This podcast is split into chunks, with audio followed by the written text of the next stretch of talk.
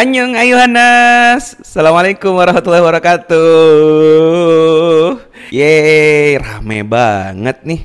Hah connection gua unstable. Aduh kenapa harus sekarang? Ntar dulu. Bagus ya bagus ya. Eh, uh, Rizko yang lagi di belakang layar Berapa orang sekarang yang lagi udah online kok? Masya Allah Angka kesukaan gua angka 7 ya Alhamdulillah Oh iya ya lupa, berarti gue harus ulangi 700 sekian ya. Kalian tidak tahu kan aku tuh punya punya ini kayak apa agent-agent gitu loh di telingaku tuh yang bisa bicara gitu. Mere iya mereka nggak dengar ada siapa yang sedang ngomong. Ih berarti keren banget ya kok ini kayak lagi di TV-TV gitu ya. Kayak MC lagi nge-MC terus ada FD-nya ngomong gitu ya. Ya, udah. Iya Fuad, iya begitu cara kerjanya, iya. Keren kan makin canggih aja nih. Jadi ada yang ngedirect gue lagi di kuping gue nih, masya Allah.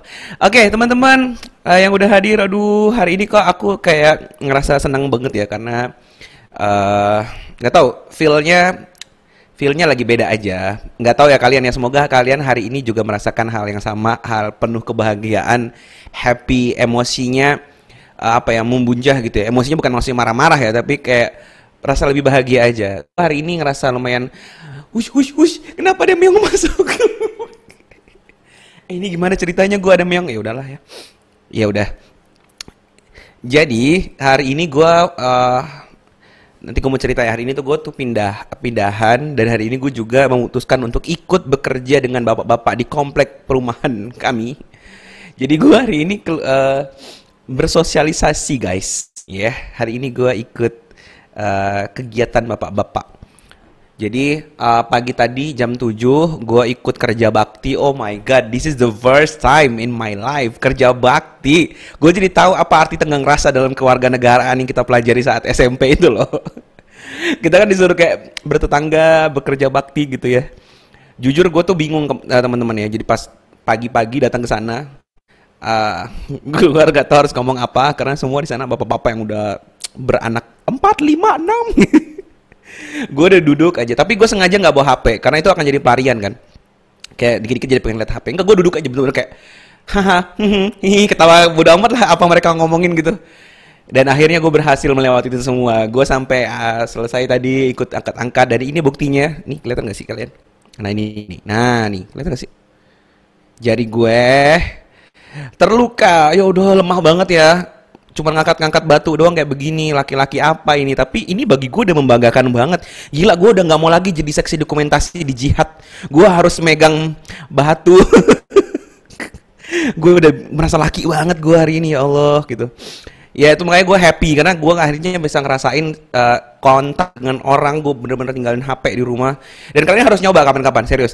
Bener-bener uh, ketemu orang yang kalian nggak terlalu kenal dekat nggak tahu nggak punya topik apa-apa tapi kalian beraniin diri untuk kumpul terjun di sana. Aduh seneng banget gue seneng banget. Dan selanjutnya seharian penuh gue pindahan rumah gotong gotong gotong gotong barang dan baru selesai tadi Alhamdulillah. Jadi gue happy banget bisa ketemu kalian hari ini. Hai semuanya di segmen Q&A dan gue nggak sendirian karena ada Rizko. Lu mau nongol nggak kok? Pam pam. Udah nih nongol gue nih. Halo, um, halo semuanya. Halo, halo. Kita sama loh hari ini cowok bisa nyender, aku bisa nyender juga. Iya, masya Allah enak sekali ya. Alhamdulillah. Iya. At lu tadi kerja bakti ya? Dalam rangka hmm. apa?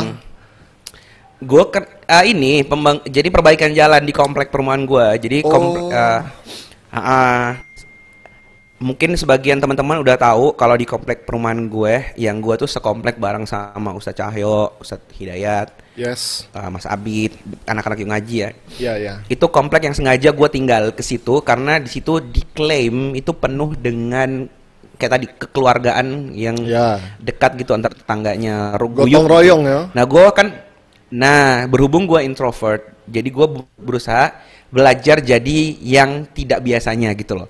Alright. Makanya gue sengaja tinggal di sini yang nggak ada pagernya, yang bisa bertetangga, bisa banyak kegiatannya, kayak gitulah. Ih happy banget gue. Emang itu alasan utama antum tinggal di sana? Uh, iya dan tidak. Iyanya hmm. memang memang gue nyari lingkungan yang kayak gini. Oh, yang masih ada orang bisa ngobrol tetangga gitu loh dan ini jadinya di sini yeah. gitu. Yes, yes, yes, yes. Hmm, gitu cuy. Ih, sekarang sudah 1300 1400 orang yang nonton, Masya Allah. Hai. Hai semuanya. Eh, bentar. 1300 orang. Eh. Eh, Aku mau ngecas apa sih? HP. Nggak ada suaranya katanya kok. Hah? Suara siapa yang nggak ada? Hah? Halo, halo. Suara siapa yang nggak ada? Lu- Ada semua. Ada semua. Loh, Eh, kok nggak ada suaranya? Itu tuh padang lo kok nggak ada suara. itu semua orang komen. Woi, ada semua nggak ada masalah lu ah. Bikin Oh, gua panik. kalian itu. Enggak. Itu orang dari tadi ngikutin ngikutin antum eh, apa komen eh, kerja bakti segala macam mereka dengar dari mana kalau nggak ada suara? Cuma mereka komplain Oh iya makanya ya. lighting lu gelap. Ya udah sih, ini kalau gue deketin lagi bo- boleh sih. Tapi Iya, gue no. jadi silau banget. Ya nggak gua apa-apa. Kita lagi. kan memang sunnahnya yuk ngaji itu kalau live 30 menit pertama tuh ngurusin teknis biasanya. oh iya iya, masih ya. masih dong. Masih ya. Walaupun udah profesional masih ya. Bentar ini lighting gue portable banget nih. Aduh. Gua ngecas HP dulu, HP mau habis baterai. Ya nggak gitu juga kok. Iya. Capek. Gimana? Mendingan nggak? Eh, ya mendingan ya. lah, mendingan mendingan mendingan. Yaudah sih, tapi ini ntar lightingnya bocor kalau gue ini. Ya udah biarin ya. aja lah, udahlah. Eh, gue deket-deket juga lu apa yang mau lihat muka gue? No, oh. Nah gigi gue nih gigi gigi. Bajunya hitam jadi gelap. Eh, Oh. kan. Apa sih? Ah, kok Kopi gue jatuh jadinya. Ah lu pada ngerepotin gue aja lu. Iya. kan jadi terlalu kelihatan jelas kan muka aku jadi nggak asik. Aku tuh kalau gak, aku tuh kalau lagi buram itu ganteng banget serius. Berarti harus Semakin orang Hmm? kan semakin terang gitu ya, biar semakin glowingnya itu memantulkan cahaya gitu ya. Kalau lu iya, remang kalau ya, aku semakin tuh harus remang. semakin remang-remang. Oh, semakin remang aku semakin tampan. Serius, gue tuh gue tuh jujur aja sejak pandemi tuh bahagia banget karena bisa online dan ngezoom gitu loh kayak Oh. kan nggak nggak nggak HD kan gambarnya. Iya, ya bisa di Nah, kalau di YouTube ya. kan Iya, ganti jangan baju hitam. Eh, Anda ini gue buka nih sekarang nih, buka nih. Kalian Jangan, mau ah. gue tarik perut sekarang? Jangan ah. Aku buka nih. Dik- dikit aja Ad. dikit aja astagfirullah. Eh, k- kita mau Q&A Hmm. emang pertanyaannya udah disiapin? Udah dong, ada banyak yang udah masuk dan tapi gue nggak pakai ini ya, gue nggak pakai apa eh pe- PowerPoint, gue Oh, ya. catatnya di HP gue Ya yang udah, sudah nggak apa-apa. terpilih. Ada gue lupa sih, ya mungkin 10 atau 20 pertanyaan. Nanti kita tanya-tanyanya ntar kalau nunggu-nunggu udah pada yang ada ada hadir ya, ustadz-ustadznya ya. Oke. Emang emang emang hari ini bakal ada siapa aja kira-kira? Eh, eh, nggak tahu ya karena kalau di grup kan lagi pada sibuk semua. Ada yang sakit ada yang Iya nih, sibuk. eh sibuk sakit itu bukan kesibukan, gimana sih? sibuk sakit. Sibuk sakit. Gitu jadinya. Aduh. Teman-teman yang di YouTube eh, tolong kasih tahu ya Hmm. kalau mikrofonku kegedean atau kekecilan lagi. Kemarin soalnya awalnya kegedean terus pas di tengah-tengah kekecilan. Aku ngecilinnya kebanyakan soalnya. Nanti ya, kasih tahu ya Oh, kalau gua gua tahu kok, gua tahu kita ngapain di- kenapa di opening ini. Kita Kenapa? jawab pertanyaan dari kolom komentar. nah cakep biar ada Nah, interaksinya Kalau ini kan ini kan dari anak-anak yang udah ikut liling. oh ya Nah, benar. kita kesempatan buat kalian bertanya kepada kami-kami yang tidak punya faedah ini. Iya, kita eh, berdua kita iya. berasa lagi trial and error nggak sih? Iya, iya, iya. Kapan kita syuting trial and error lagi nih? Aduh. Ntar gue ngedit capek. Dan orang-orang itu masih saja berkomentar. Kapankah lanjutannya? Padahal baru diupload tadi siang. Oh. Kan dia begitu tuh anak-anak tuh. Iya, dipikir kita hidupnya cuma ngedit doang apa? Punya anak bini tahu. Makanya tahu gak sih? iya, rumah harus disapu. Emang lu kira kita ini mampu nyewa pembantu? kita nggak mampu nyewa pembantu. Jadi kita, Kita ti- tidak semampu itu. iya, kita Oh, adalah ngomong- pembantu. Ngomong-ngomong soal mampu, itu yang gue Iya. pikirkan kemarin tuh. Jadi gini, malamnya itu kan dapat dapat ini kan WhatsApp di grup eh, grup perumahan kan. Oke. Bapak-bapak, ibu-ibu, besok jam 7 harap semua membawa anak-anaknya, istrinya semua turun ya kita kerja bakti bersama ya. Oke. Itu kok gue berharap bisakah aku hanya membayar saja dan tidak turun gitu loh. pesen pesen Gojek terus mang mang eh, ini ya bersih bersih di sini ya Iya. gitu ya. Maksud gue kayak gak ada opsi iuran pak Iya. Iuran gitu loh biar gue gak usah ikutan Tapi ternyata gue baru sadar kalau gue pun gak mampu iuran Iuran nggak mampu tapi Iya bersih-bersih juga aku tak rela. Jadi serba salah ya. Oke, eh, ada pertanyaan pertama tuh dari netizen. Coba. Eh, dia tanya eh, Fuad sama Rizko habis pandemi mau liburan ke KL nggak? KLO. Wow, kita mau banget. Gue pengen banget tahu ke Malaysia. Aku Cuman pernah belum- dulu tahun 2012 ke KL. Ah, zaman lu masih di pariwisata ya?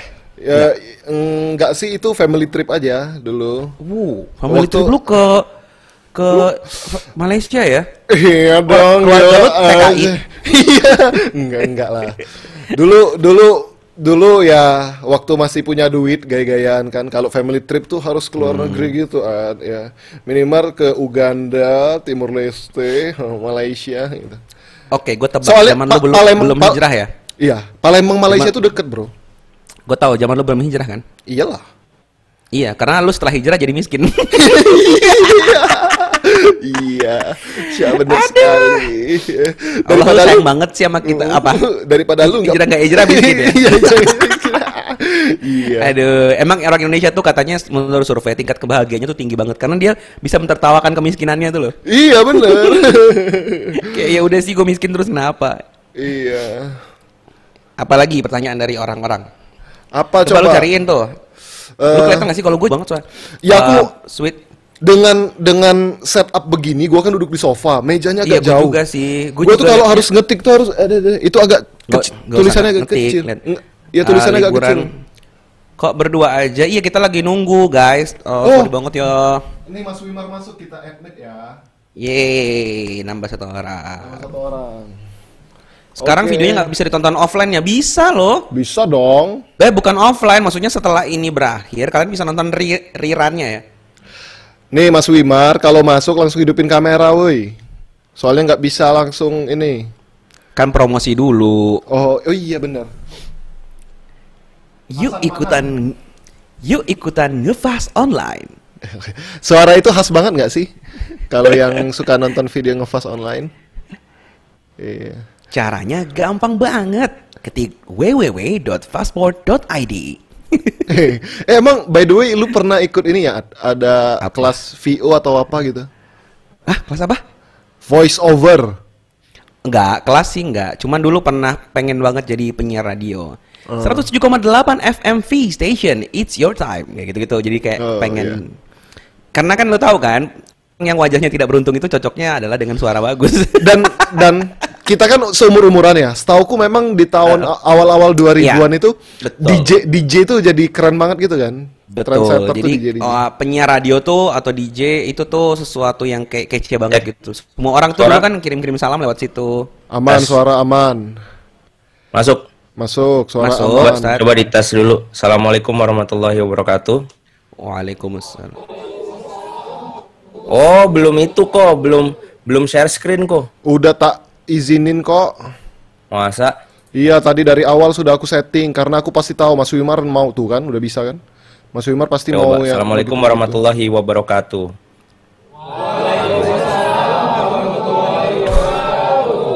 Masya Allah, antum jinnya banyak ya. Jamaah. Kok udah kafaratul majelis? Bentar. belum, belum. Belum. Belum mulai. Kok udah udah kebetul baju majelis aja. Aduh, sehat Stat. Sehat. Hari ini feel kamarnya beda lagi. Antum tiap minggu, tiap pekan ganti-ganti warna ya kayaknya. Aku baru iya dong, tergantung tergantung mood. Oh mood. Kalau lagi warnanya begini moodnya apa? Enggak, ini settingan tadi siang. Eh, balasan tadi kelas ngefas libur deh. Enggak, tadi pagi, sorry. Tadi pagi ngisi aku. Oh, masya Allah ya, sibuk sekali antum, luar biasa. Iya. Kamu pindah rumah sekarang? Iya, itu baru selesai mindahin, belum nata ya, baru mindahin. Jadi aku belum tahu mau tidur di mana. Nanti mungkin digeser-geser sedikit untuk aku terselip di tengah-tengah. Di depan aja di depan rumah. Jangan sedih banget.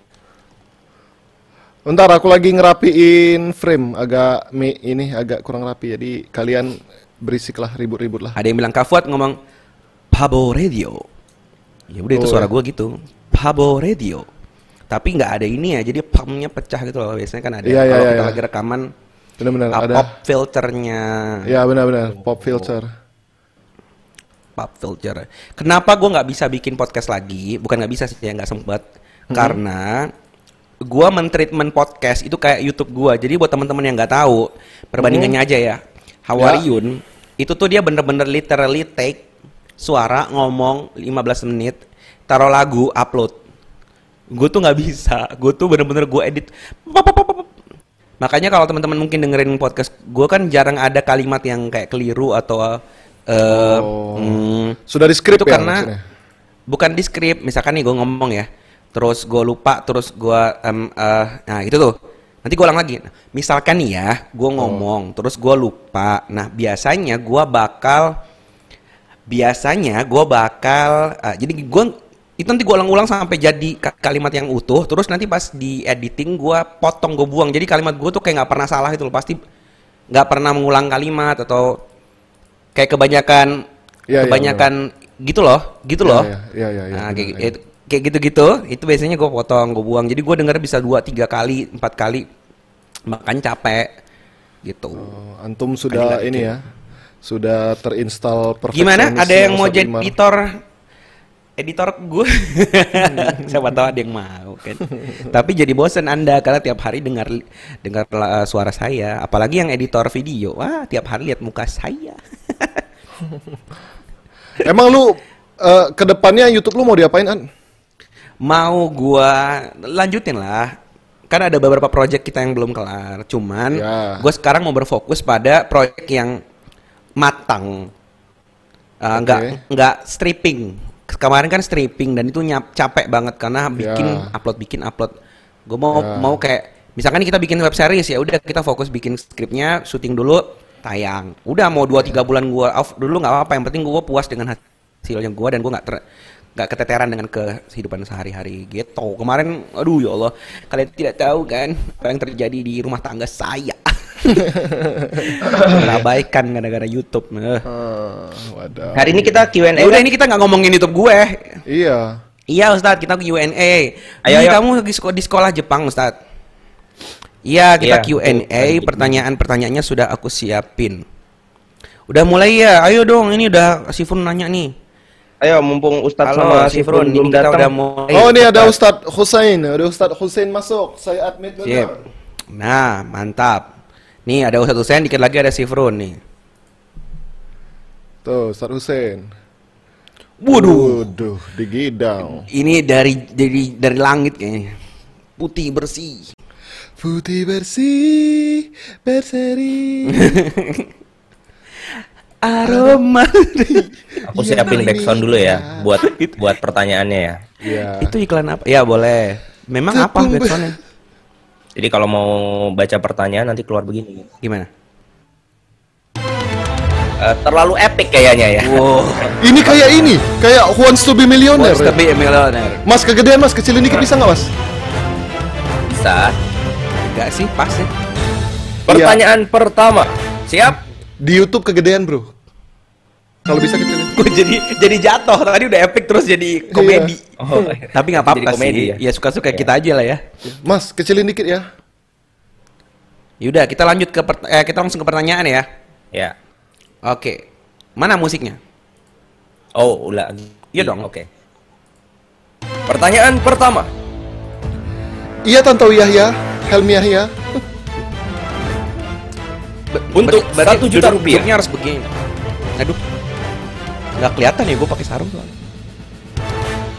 Ya, apa? Pertanyaan pertama.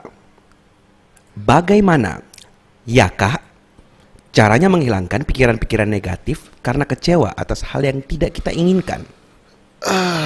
Saya mau call di audience. Coba. Kamu kasih pertanyaannya ke siapa? Hah? Itu ada Kepada Iya. suara siapa itu? Suara siapa Ustaz Husain itu ya? Guys, udah masuk ya suaranya? Iya Udah, Ustaz. Ustadz. Udah. Tapi ber- bersama anak-anak dengan Ustadz. Ustaz Husain nonton YouTube ya. Di mute Ustaz YouTube-nya. Halo, eh, tolong penelpon eh, di mute dulu Ah, TV-nya. Itu aku Kecilin kan. dulu suara TV-nya, Bu. Iya saya phone a friend Ya. gimana ya? Phone a friend. Iya, pas passwordnya. Dua juta rupiah. Sumpah goblok banget itu. Aduh. Yang, yang pertanyaannya gampang banget itu ya. Siapakah personil Siapakah vokalis Peter Pan? A. Ariel Peter Pan. B. Apoy Wali. Ya tentu Ariel dong. Itu pertanyaan macam apa? Ulangin nih pertanyaannya nih. Ya. Kak, gimana caranya menghilangkan pikiran-pikiran negatif? Karena kecewa atas hal yang kita inginkan tapi nggak tercapai. Ini banyak banget kan, kita gampang kecewa. Ini sebenarnya kita belajarnya di materi kodok kodar ya. Iya. Mungkin eh, Ustadz mau jelasin sedikit Ustadz Wimar mungkin? Gak bisa Ah, jawabannya. tidak bisa. Ustaz Cahyo mau masuk, saya admit dulu. Oh sabar sabar. Ten- Pen-. Jadi kayak penerima tamu begitu Nah, itu ya. harusnya aku masukin yang kayak gitu ya. Iya Tat. Tuh. Ya. Cahyo antum masuk. bentar. Ustadz Cahyo antum live di mana? Kenapa? Antum live di mana? Di rumah. Astagfirullahalazim. Aku sengaja di ruang ini pakai kipas, nggak pakai AC karena aku berpikir antum akan live di studio yang ada AC-nya. Tahu gitu gua di sana. Sedih banget. Ini panas banget tahu. Dan antum di Ya rumah. pindah lah. Ya nggak bisa lah, ini settingannya udah begini. Iya udah deh, lanjut deh. Jadi sekarang kamu nggak pakai AC at- Enggak, dari tadi nggak lihat nggak ini keringat astagfirullahaladzim. Aku pakai hoodie kan. Terus Demi demi makmum kamu nggak punya uang begini gimana? Makan masih masih ini masih terjaga setiap harinya. Hasan Goci makan apa? Hari ini udah makan at.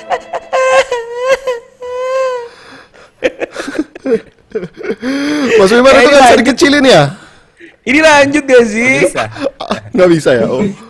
Aku Udah jadi nanya nih, aku jadi nanya itu yakin itu 900 pertanyaan yang masuk itu dijawab oleh orang-orang kayak gini. Loh, loh emang kenapa menjawab menjawab pertanyaan itu kan nggak harus benar, salah itu juga jawaban. Oh iya benar sih, iya iya iya. Iya. Ada 975 pertanyaan sampai malam ini. Aku Wow, tadi lihat iya. prok prok prok prok. Dan kita hanya ngambil sekitar 20 Ayo cepet dibahas. Lah iya ayo jawab, pertanyaan tuh nggak bisa. Emang nggak Oh bisa iya, kita di- menghilangkan pikiran negatif. Instruksi Kenapa nggak bisa? mulu. Iya nggak bisa. Jadi otak ini sekalinya kecemplung sesuatu, ya dia akan ngendep di sana. Nah yang bisa kita lakukan adalah bagaimana caranya agar ingatan itu tidak kerikol. Oh. Ini misalnya aku aku bacain sebuah lirik ya. Fuad lanjutin ya. Seluruh kota merupakan tempat bermain yang asik. Oh senangnya lanjutannya apa? Aku senang sekali. Bisa difahamin kan? Nah artinya ingatan itu ada di senang kepala. sekali. lanjut oke. lanjut. Kesel Aduh ya? aku nggak punya soundtrack yang bagus untuk nimpalin itu. oh ini. Apa? Ya salah ya. Alah, alah. Alah, alah, alah. Iya, jadi kalau sudah masuk ke kepala kita itu nggak bisa hilang. Yang bisa adalah bagaimana itu tidak terrecall kembali Hmm. atau tidak tidak muncul ke permukaan gitu. Ya caranya bagaimana? Ya caranya mikirin yang lain dialihkan. Gitu aja secara teorinya. Bener nggak Ustaz Husain? Oh, berarti maksudnya kalau dia punya kenangan-kenangan buruk karena dulu pernah eh, kecewa gitu, Ya. itu tetap bakal ada gitu maksudnya ya. Iya, tetap bakal ada. Cuma yang jadi masalah bagaimana itu nggak keluar gitu. Misalkan kita pulang kampung gitu. Tadinya nggak mau mikir apa-apa. Tiba-tiba mata kita nabrak sama eh, sebuah warung bakso dulu waktu zaman SMP pernah gebet cewek di situ. Itu langsung recall pasti. Ceritanya, obrolan pas saat itu. Misalkan lupa bayarnya, siapa tahu. Selek, eh, bakso urat misalkan atau kejadian apa pun di warung bakso itu tiba-tiba recall karena ada anchornya ada pemantiknya yaitu apa ngelihat warung bakso gitu tapi kalau misalkan nggak di recall ya nggak apa-apa misalkan ini Fuad lagi begini bengong saya yakin Fuad lagi nggak mikirin akad nikah dia waktu nikah kemarin Tentu tapi begitu tidak. saya bilang begini Iya, Ya. langsung recall. Fuad bisa nge-recall bajunya Iya waktu itu warna apa terus Iya. eh, sound systemnya lagu eh, dangdutnya eh, lagu apa gitu kan langsung kebayang Blackpink di koplo. iya iya oh gitu ya berarti tipsnya adalah pasti kita akan tetap ke recall sama kenangan-kenangan buruk cuman tadi ya di apa tadi Di- diapain di loop artinya jangan sam- eh, kita bisa meminimalisir untuk itu ke recall. Caranya gimana? Ya menghilangkan anchor-anchor yang membuat ingatan itu keluar. Oh, jangan dipancing-pancing gitu ya. Ya. Iya, misalkan kita punya akunnya dia ya blok misalkan atau unfollow. Kita eh, misalkan satu kelas sama dia ya minta wali kelasnya untuk pindah kelas misalnya gitu pindah Waduh, sekolah kok- ya kira-kira. Kok jadi wali kelas yang pindah? ya, misalnya gitu. Oh iya iya iya. Ya begitu. Ustaz Hussein ada ada perspektif lain mungkin Ustaz? Eh, selain Ya, dari ini- peta yang ada di belakang Anda ya yang bagus banget itu kayaknya keren banget bisa didapat di mana ya itu? Dapatkan di Ya, Paskipannya karena besok harga naik. Besok Senin ya. Oh iya bener. Besok harga naik bener. Iya, ya jadi eh, kenangan itu memang bisa dimaafkan, tetapi tidak bisa dilupakan gitu. Karena dia memori kan, memori itu sesuatu yang mengendap benar tadi. Dia bisa ke recall. Eh, tapi menurutku sih yang paling penting adalah bahwa semua peristiwa itu kan ada hikmahnya.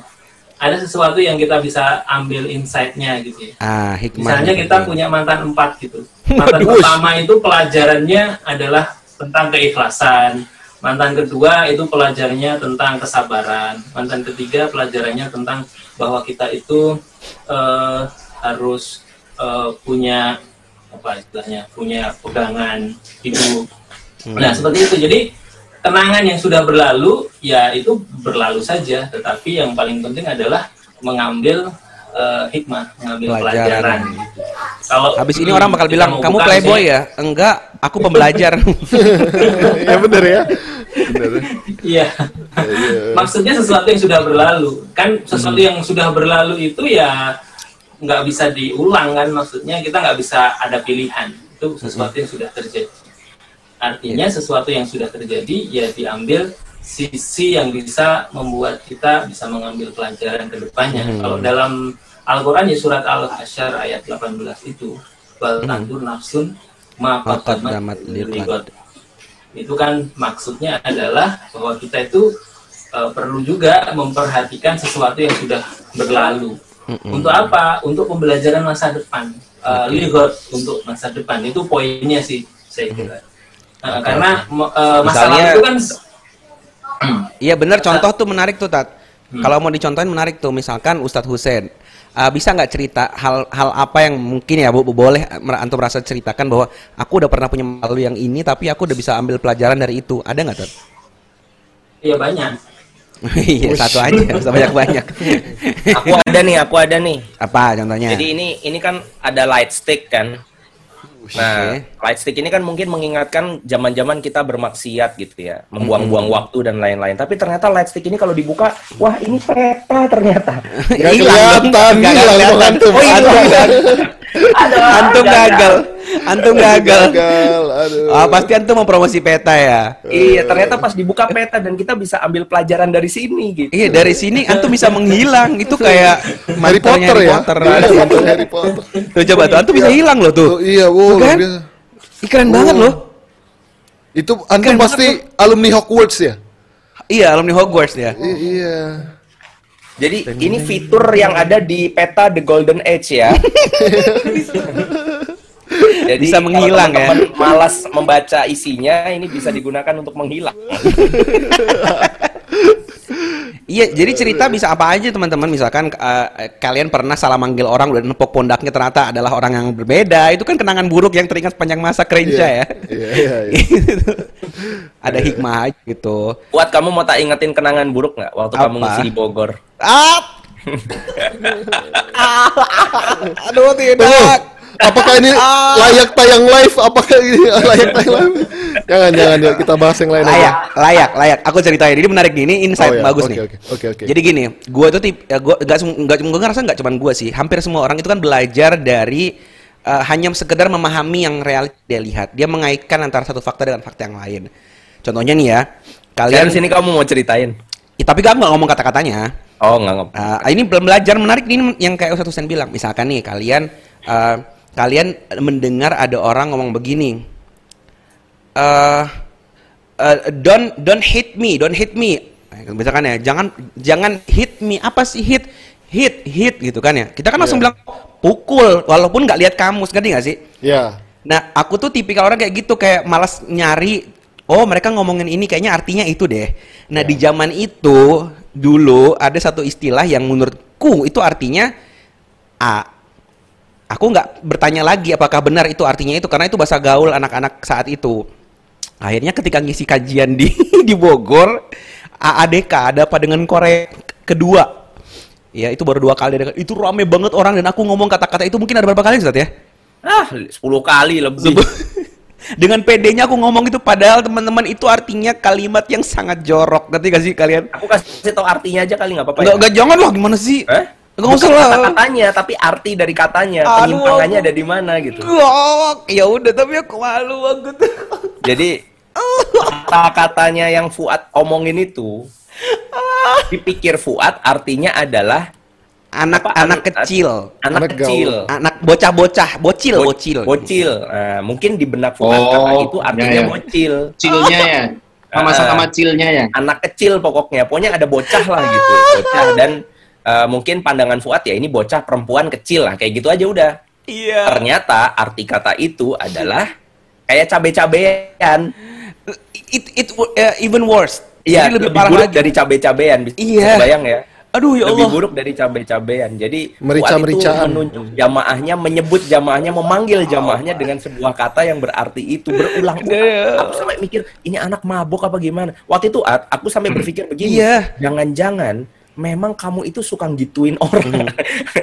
Artinya jamaahmu ini apa diomongin Kalau- begitu gitu. dipanggil gitu ya enggak Iya. Oh, ini itu salah satu salah satu nama Power Rangers ya. Hah? Kimberly kan. Iya makanan Korea. Dia tuh lagi ngomongin Iya, makanan iya. Korea. Mirip-mirip Ya, itulah kan. Makanan Iya, Korea iya. yang sayur-sayur asem itu loh. sayur asem Iya, Korea. Iya. Itu, Dan itu, tuh- itu- sama i- kayak binatang yang eh, pintar itu loh, suka mencuri timun. Ya udah pada tahu tuh, udah ada yang jawab di live comment percuma gitu. Aduh sumpah itu aku tuh pulang di mobil tuh kepikiran astagfirullah aku udah nyampe ini bukan di kota Bogor doang di Iya. kota-kota sebelumnya itu kan artinya itu jorok banget Mungkin itu Gima- mungkin gimana kalau lu- kalau ngomong kalau Nah, ngomong bocil gini, bocil astagfirullah. Kembali. balik ya Gimana Nah, kalau itu lu ya, kembali ke di topik masjid ya? pertanyaan tadi. iya pelajarannya Bagaimana apa kejadian itu bisa kamu Oh, iya. ambil pelajarannya? Apa pelajarannya? Pela- Gak ada. pelajarannya adalah aku akan lebih make sure yang aku omongin ini artinya apa Itu Lambemu sih. dijaga, lambemu. Iya dijaga, cuman karena sulit menjaga lambe saya, jadi aku nggak jaga. Aku cuman mastiin kata-kataku tuh artinya nggak nggak parah-parah banget lah gitu. Kayak kemarin misalkan nih, aku pas mau ngomong anjay, anjir anjir, aku tuh nanya dulu ke ke si Frun, kan fatwa King ya, King King, aku boleh nggak sih ngomong anjir atau anjay gitu misalkan. Nah terus dia ngeluarin fatwa bahwa berdasarkan konteksnya itu bisa jadi boleh, bisa jadi tidak kayak gitu. Di situ, jadi kan yang bertanggung jawab nanti kan tinggal si Frun ya. itu sih pelajaran aku ambil jadi lebih berhati-hati pas ngomong. Nah mungkin yang dia maksud di sini adalah terus gimana tuh biar ngilangin ingatan kayak tadi? Ya udah move kalau aku sih move on aja ke depan. Jadi eh, daripada berpikir kamu akan bisa memperbaiki masa lalu yang itu tidak mungkin lebih baik berpikir untuk berbuat hal yang lebih baik di ke depannya makanya Nah, pas dulu habis Mhm. kejadian ngisi di Bogor itu, kurang lebih mungkin sekitaran satu minggu ya. Fuad itu kalau tak ingetin perkara itu tuh kayak malunya tuh malu banget kayak iyalah gila males banget sih, apaan sih gitu. Iya. Tapi ternyata sudah berselang setahun kali ya. masih dengan- masih malu sih, cuma kan tingkat Iya. malunya itu akan berkurang gitu. malah Begitu nyertain juga- sendiri kan Ah, malah nyeritain sendiri. Jadi maksudnya adalah ketika kita punya memori yang sedih ya tinggal ditunggu waktu aja kesedihan itu ya akan biasa pada saatnya atau kalau memorinya itu memalukan ya la- nanti lama-lama akan lucu pada saatnya gitu. Cuma sambil nunggu itu lucu mendingan jangan di recall hmm gitu karena itu butuh waktu untuk bikin sesuatu yang lampau itu jadi lucu gitu. iya semua aib akan menarik pada masanya nanti ya Iya. Iya. Itu, itu Tapi teori- aib orang lain kayaknya baru. pas masih hot itu menarik ya. iya Tapi kalau aku ya, aku dulu Ah, ya oh punya iya. peng- pengalaman-pengalaman gak enak atau masa lalu yang kalau diinget-inget Ya, itu banyak, aduh banyak lu, banyak. Ya, banyak ya. Gitu ini yang menyakitkan loh, Ad, bukan yang cringe loh. Yang cringe kan bisa jadi bahan Oh, candaan. ini ya. yang sakit ya. oke. yang sakit, yang traumatik atau sampai segala macam. Kayaknya itu tuh nggak bisa dilupain deh. Jadi tinggal kita aja mau gunain masa eh, kenangan itu untuk melesat maju atau malah menjadi beban dan jadi terpuruk gara-gara kenangan itu. Aku juga punya kok beberapa kejadian dalam hidup yang rasanya tuh bakal bikin aku pernah per- pernah bener-bener kayak ngerasa depresi itu pernah sampai yang nggak makan nggak nggak makan lah segala macam badan berat badanku turun 14 kilo dalam waktu beberapa bulan karena Gimana caranya? Wah. Lu harus dihianatin orang-orang terdekat lu dulu gitu ya jadi Siapa agak- siapa boleh asal jangan kamu kok. nggak worth it jadi bener-bener Orang stres ketika Fuad itu tetangganya. lu Masa melupain saya cuma depan rumah. gitu ya Gimana, Jo? Gimana, Jo? Nah, jadi ya jadi kalau memang lagi awal-awal, jadi kan ini pasti Ustadz Hussein tahu nih, ada teori five apa ya, five depression step itu loh Ustadz. Misal orang lagi mengalami musibah tuh biasa kan pertama itu penolakan dulu. Terus Oke. marah pertama marah-marah ya, pertama marah-marah, terus penolakan. Nanti mulai ber apa ya, mencari mencari-cari hikmahnya gitu. Terus nanti ada ujungnya tuh yang jelas baru menerima keadaan. Ujungnya yang kelima tuh yang jelas menerima keadaan. Nah, nanti kalau seandainya teman-teman baru mengalami hal yang traumatik, seiring waktu akan ada di mana kita tuh menerima berdamai dengan masa lalu gitu loh. Oh, iya. Jadi memang kalau ada orang bilang times heal, waktu itu akan mengobati emang bener. Iya benar sih, waktu akan Iya. mengobati. Jadi nikmati aja prosesnya karena nanti dari masa lalu yang menyakitkan itu itu bisa menjadi bahan bakar fuel untuk melesat lebih maju ke depan. Dan aku yakin teman-teman yang khususnya Fuad gitu ya. Antum bisa ada di sini di ngaji duduk sekarang misal ngobrol sama kita ada bagian da- bagian dari dakwah itu juga karena masa lalu masa lalu pahit yang antum lalui pasti. Iya, betul. Gitu. Ah, I think so. Nah, Jadi suatu ketika Umar bin Khattab itu terlihat menangis, terus kemudian sebentar tertawa, habis itu nangis lagi, ketawa lagi. gitu. Ditanya sama sahabat, kenapa Umar kok tahu-tahu nangis, habis itu ketawa? Jangan-jangan bipolar? Enggak, jangan-jangan ini yang punya dua kepribadian gitu. Enggak, ini tambahan saya itu kayak kalau itu tambahan saya. Iya, iya, iya, iya. itu out of, out of story. Terus kemudian Umar bin Khattab cerita, iya aku sedih, aku nangis karena aku ingat ketika perjanjian Hudaibiyah terjadi, aku itu berselisih pendapat sama Rasul, gitu. Terus kenapa ketawa? Iya aku ketawa. Waktu itu aku ingat, waktu aku zaman jahiliyah dulu, aku pernah bikin patung dari gandum. Nah setelah itu aku minta makanan dari patung itu, karena kemudian makanannya nggak datang-datang aku lapar, tangannya aku potek, aku makan itu jadi bikin dewa sendiri disembah sendiri minta makanan lapar dewanya dimakan makanya terus dia ketawa nah artinya mengingat masa lalu itu bukan sebuah hal yang buruk asal benar tadi kata Ustadz Husen diambil kemudian baiknya ketika itu salah kita tahu bahwa itu jangan sampai keulang lagi Hmm. Gitu. Iya, iya, iya. Gitu teman-teman ya. recall Alhamdulillah. Oke, kita lanjut ya ke pertanyaan berikutnya ya karena ini bakal banyak banget nih. Eh, pertanyaan berikutnya gimana? Musiknya dong. Oh ya lah, ini kong kasih kasih pertanyaan berikutnya gitu Pertanyaan berikutnya. The next question. Lama sekali. Kirain yang yang keren gitu itu, sih? iya. Ah nggak keren. Tom. Kirain oh, yang ya udah udah udah epic oke oke ulangin ulangin ulangin ulangin Oke, ulang, ulang, ulang, ulang. nanti The- selama musiknya berjalan kamu kasih pengantar gitu biar keren yuk Oke, oke. The next question.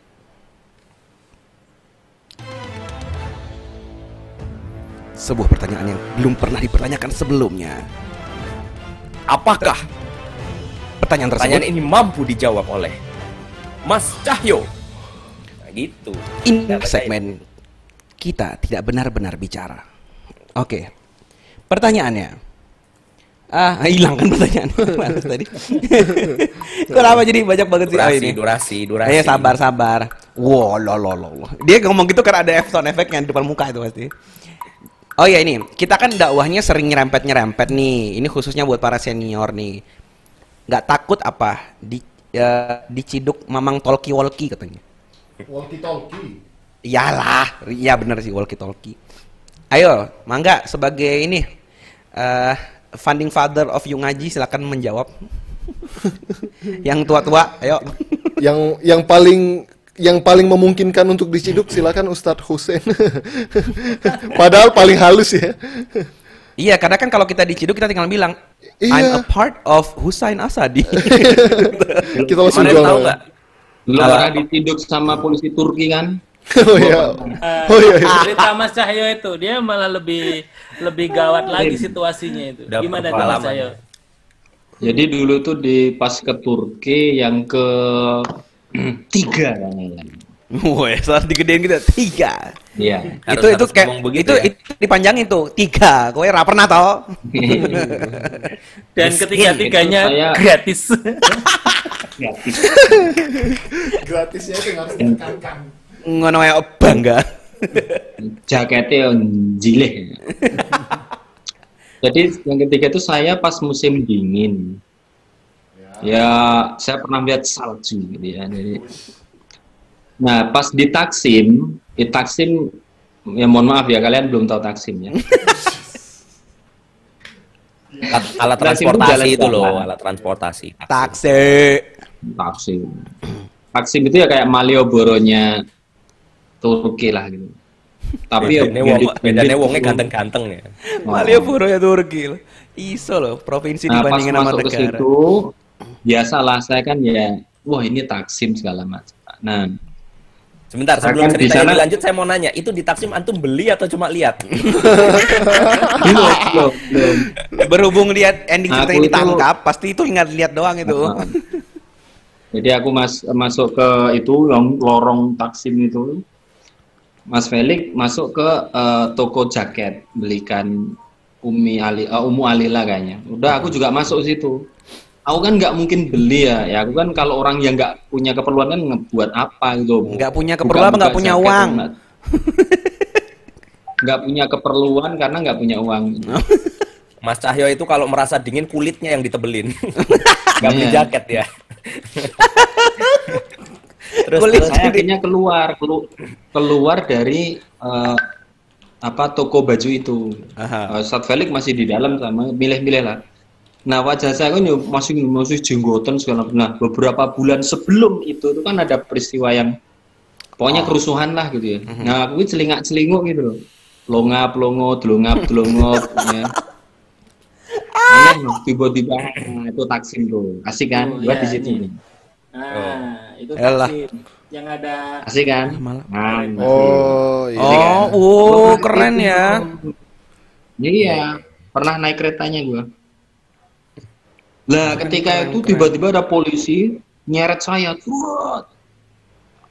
Let's move, let's move, let's move. Woi, Oh. film perang ya. Iya. fire in the hole. Pakai ini bro, pakai kayak AK-47 gitu, diseret support. Wah, kaget saya. What happened, what happened, what happened? Woi.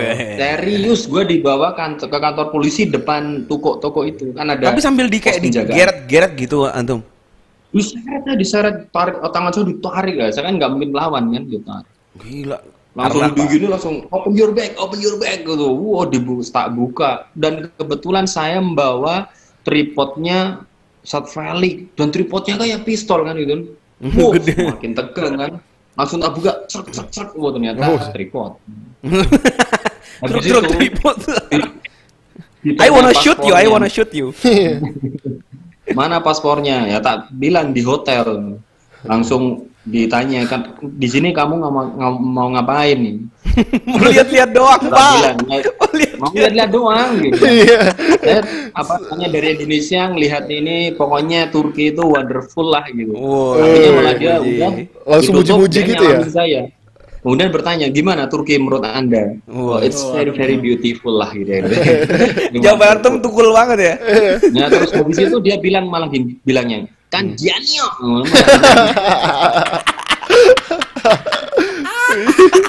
Itu Jadi Kan Gianio.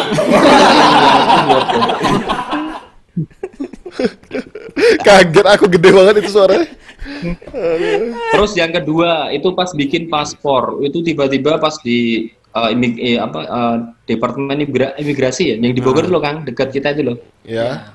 Oh, dibawa sama ini eh, mohon maaf eh, berikutnya eh, Bapak Cahyo uh, langsung diseret serot tapi nggak diseret gitu digelandang ke ini so lorong-lorong itu dihadapkan terus ditanya mohon maaf Ustaz Cahyo ya? Iya. Udah dekan ya istri saya tuh ngefans sama Ustaz Felix. Lah kok sepel? yang Nyebelin dipanggil banget. yang dipanggil siapa gitu ya? Aku relate banget Ini tuh. siapa yang dikirim itu Iya, aku kaget. Oh mau ke mana ini? Bla bla bla. Istri saya tuh ngefans sama Ustaz Felix. Udah gitu aja. Terus ternyata paspor saya lebih cepat.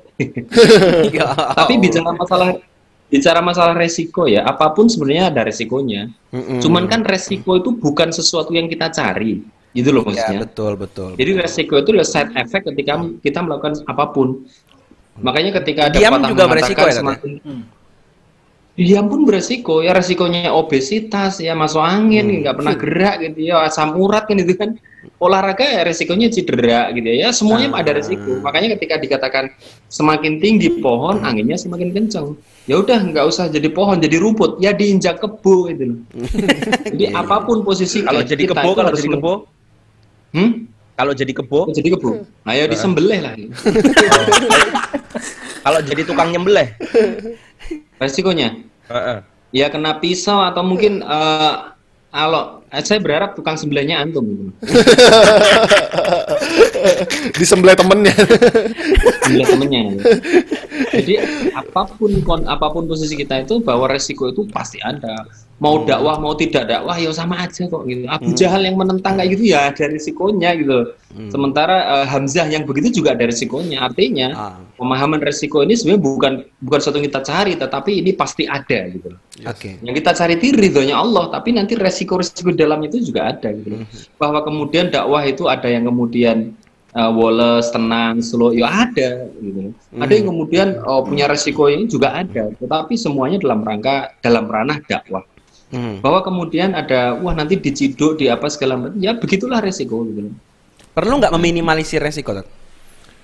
resiko ya sama. sepanjang itu bukan bukan sepanjang itu menurut saya bukan masalah kebohongan ya maksudnya kita tidak melakukan kebohongan ya itu namanya strategi gitu. Strategi itu perlu juga ya. Berarti nggak nggak asal kayak eh, Di- sporadis. Iya semua. dong, maksudnya betul. Jadi memang ada orang yang or ada orang yang gaya dakwahnya tuh apa namanya frontal, ya nggak masalah gitu loh.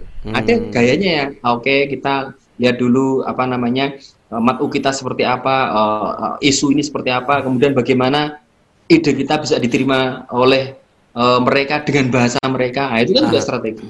Jadi fokusnya sebenarnya bagaimana memang kita menjadi orang yang menyampaikan aja gitu loh. Masalah risiko mah ya itu itu hal yang bukan kita cari gitu. loh. Itu Oke. side effect-nya. Ada ada pembahasan menarik tentang al-huroba itu loh. Al-huroba itu Huroba. Orang-orang yang terasingkan Al-huroba itu Roma bukan. Beda. jauh banget Bener. Eh, ada lagunya gitu. Oke, lanjut. Mana ada? Ada, mau lagunya gitu memang. Oh, tadi Nah, itu Roma Irama. ngomong- ngomongnya tadi bukannya huroba gitu. Gitu dong. itu jinglenya itu nggak nggak kreatif banget ya cuma dua nada Jadi gitu dong Al-Huroba itu ya teman-teman. Islam itu itu- bisa Islam dicelup itu- di teh. Islam itu dikatakan akan eh, Terasing. akan datang dalam keterasingan dan kembali menjadi terasing gitu. Nah, kemudian ada ini apa apa ada Beruntunglah. ada sebutan al-huroba itu artinya orang-orang yang terasing. Mhm. Nah, cuma harus teman-teman pahami bahwa al-huroba ini bukan predikat yang dicari. Bukan lantaran kemudian kita itu mencari Oh, al-huroba. bukan predikat yang dicari. maksudnya Iya, bukan kita yang mengasingkan diri gitu ya Iya, maksudnya. bukan kita yang mengasingkan diri, bukan kita yang nyari resiko. Tetapi kita itu kemudian dalam berdakwah dihadapkan kepada resiko yang tidak terelakkan. Padahal ngomongnya udah hati-hati, sudah berusaha untuk tidak menyakiti hati, sudah berusaha untuk menyampaikan dengan sebaik-baiknya. Oh, ternyata kita kejeblos juga karena ada resiko misalkan kita dijebak orang atau di framing atau kita apa. Nah, kemudian kita menjadi terasing karena itu, misalkan masuk penjara lah, misalkan kemudian diasingkan betulan lah.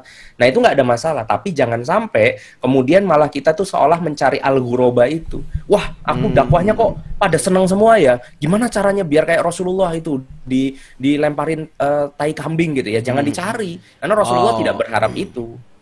Gitu. Atau mungkin nggak nggak usah bangga juga dengan kayak aku kemarin sampai dilempari loh sampai di apa seolah-olah kayak berarti tidak aku udah bener bisa jadi kita nggak introspeksi bahwa penyampaian kita ada yang keliru gitu ya Makanya kita harus introspeksi. Kita itu kita itu kemudian eh, masuk ke dalam resiko itu gara-gara kita atau karena memang resiko itu sesuatu yang tidak terelakkan gitu. Oh gara-gara kita atau memang kita sudah berbuat yang terbaik tapi tetap seperti itu gitu ya Ya, misalnya nih ada kelompok tertentu, misalkan eh, namanya apa gitu ya, yang mereka memang kemudian khusus mendakwahi penguasa dengan kalimat yang lantang. Mhm. gitu. Nah, mereka berpikir untuk melakukan itu karena mereka beranggapan bahwa kalimat lantang ini adalah sesuatu yang harus mereka lakukan karena kalau nggak begitu penguasa ini nggak paham. Hmm Tapi bukan karena kepengin lantang-lantangan gitu, ngerti nggak maksud saya? iya iya oke Artinya kita juga harus menyesuaikan siapa sih yang kita hadapin. Oh anak K-pop, eh memang harus kayak Fuad begitu, pakai sarung. Enggak ya? Enggak, enggak dong. Sarungnya pink. Lagi. sarungnya pink, jaketnya black. Nah, Black itu pink. adalah Iya. black. Iya. kok bisa gepas ya aku ra, rang- ra- ini loh itu kayak udah naluri wae Eh, aku agak mau filosofis sedikit ya tentang resiko. Udah Banyak juga nggak apa-apa Ustaz. Jangan sedikit-sedikit Ustaz. Eh, risiko kehidupan yang paling besar itu kan kematian, mati ya. Eh, tapi setiap orang itu akan menemui resiko itu, ya kan? Semua orang kan mati.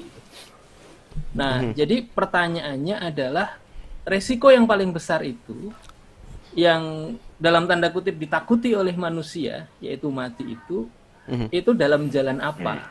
Itu aja sebenarnya yang menjadi penting buat kita. Oke. Kita ada di jalan apa? Karena kita akan menemukan satu resiko terbesar dalam hidup yaitu mati.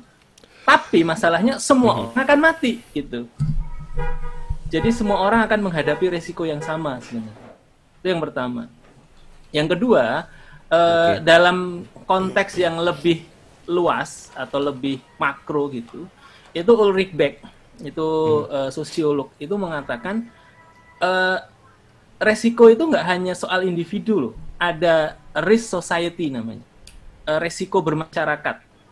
Ada kemudian yang kedua eh, eh, apa namanya ecological risk, resiko ekologi, gitu. Jadi kita ini ada di ini kamera saya kayaknya baterainya habis. ya. Bentar. Walah. Aku ganti baterai dulu ya. Aku curiga ini iklan terselubung. Apa-apa, dilanjutin aja, Tat. Dilanjutin, Tat. Iya iya iya. Eh, jadi begitu. Dalam- Itu apa? Yang ketiga apa? Rizk Aditama. Risiko itu bukan Ini itu nungguin. manusia paling beresiko itu ya. Iya, Risco. Ada Risco Aritama Ya, benar. aku menduga namanya Risco itu dari kata resiko. Iya, Iya. risiko Iya, dari benar juga ya. risiko. Iya.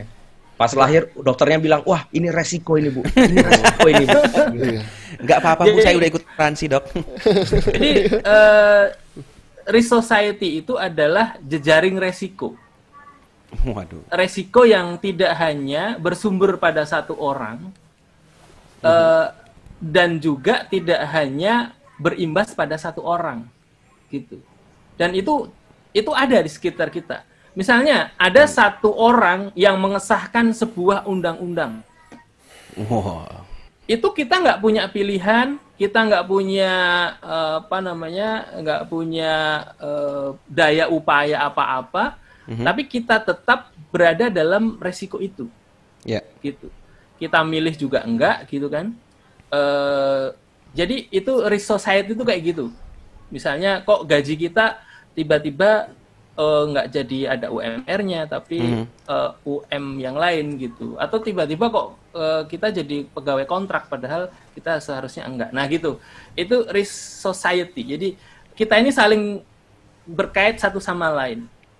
Nah ini sebenarnya eh, jauh-jauh hari sudah digambarkan kan oleh Rasulullah, di mana masyarakat itu kayak sebuah kapal gitu ya. Kalau ada orang yang butuh air, dia ada di atas, eh, dia ada di bawah, sorry, eh, di bawah lambung kapal. dia paling mudah kan ngelubangin kapal itu kan. Ya.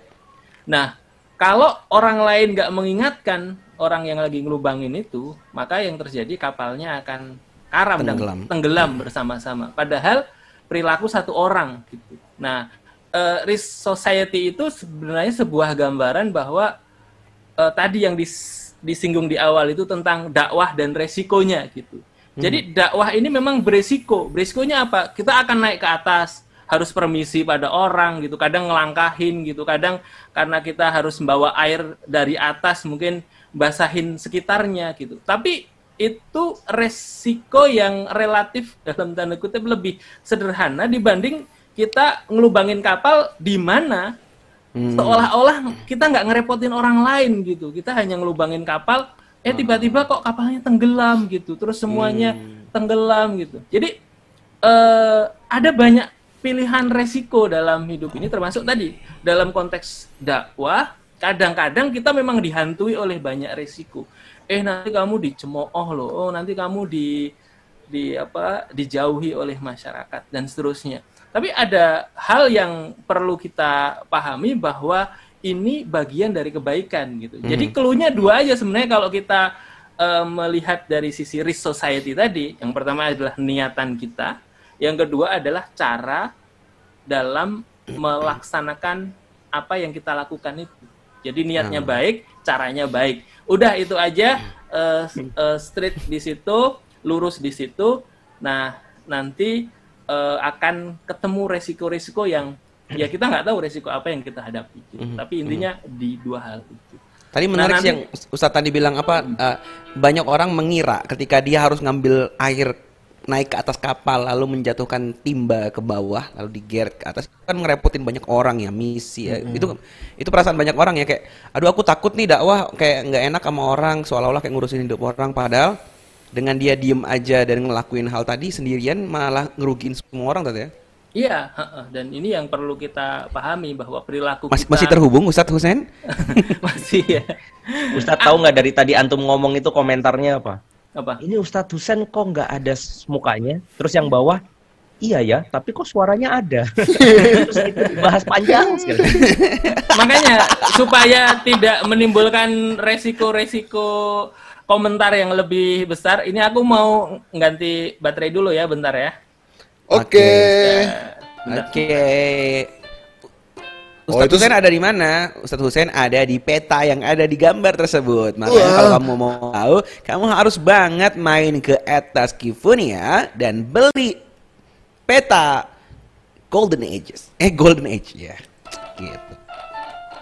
Wah, itu soundtracknya. Golden Age. Oke, kita next ya. Kita ke pertanyaan berikutnya ya. Pertanyaan, pertanyaan berikutnya. Audio, eh nungguin bilang dong, Iya iya, iya, aduh harus iya, standby iya. dong. Ya, pertanyaan berikutnya.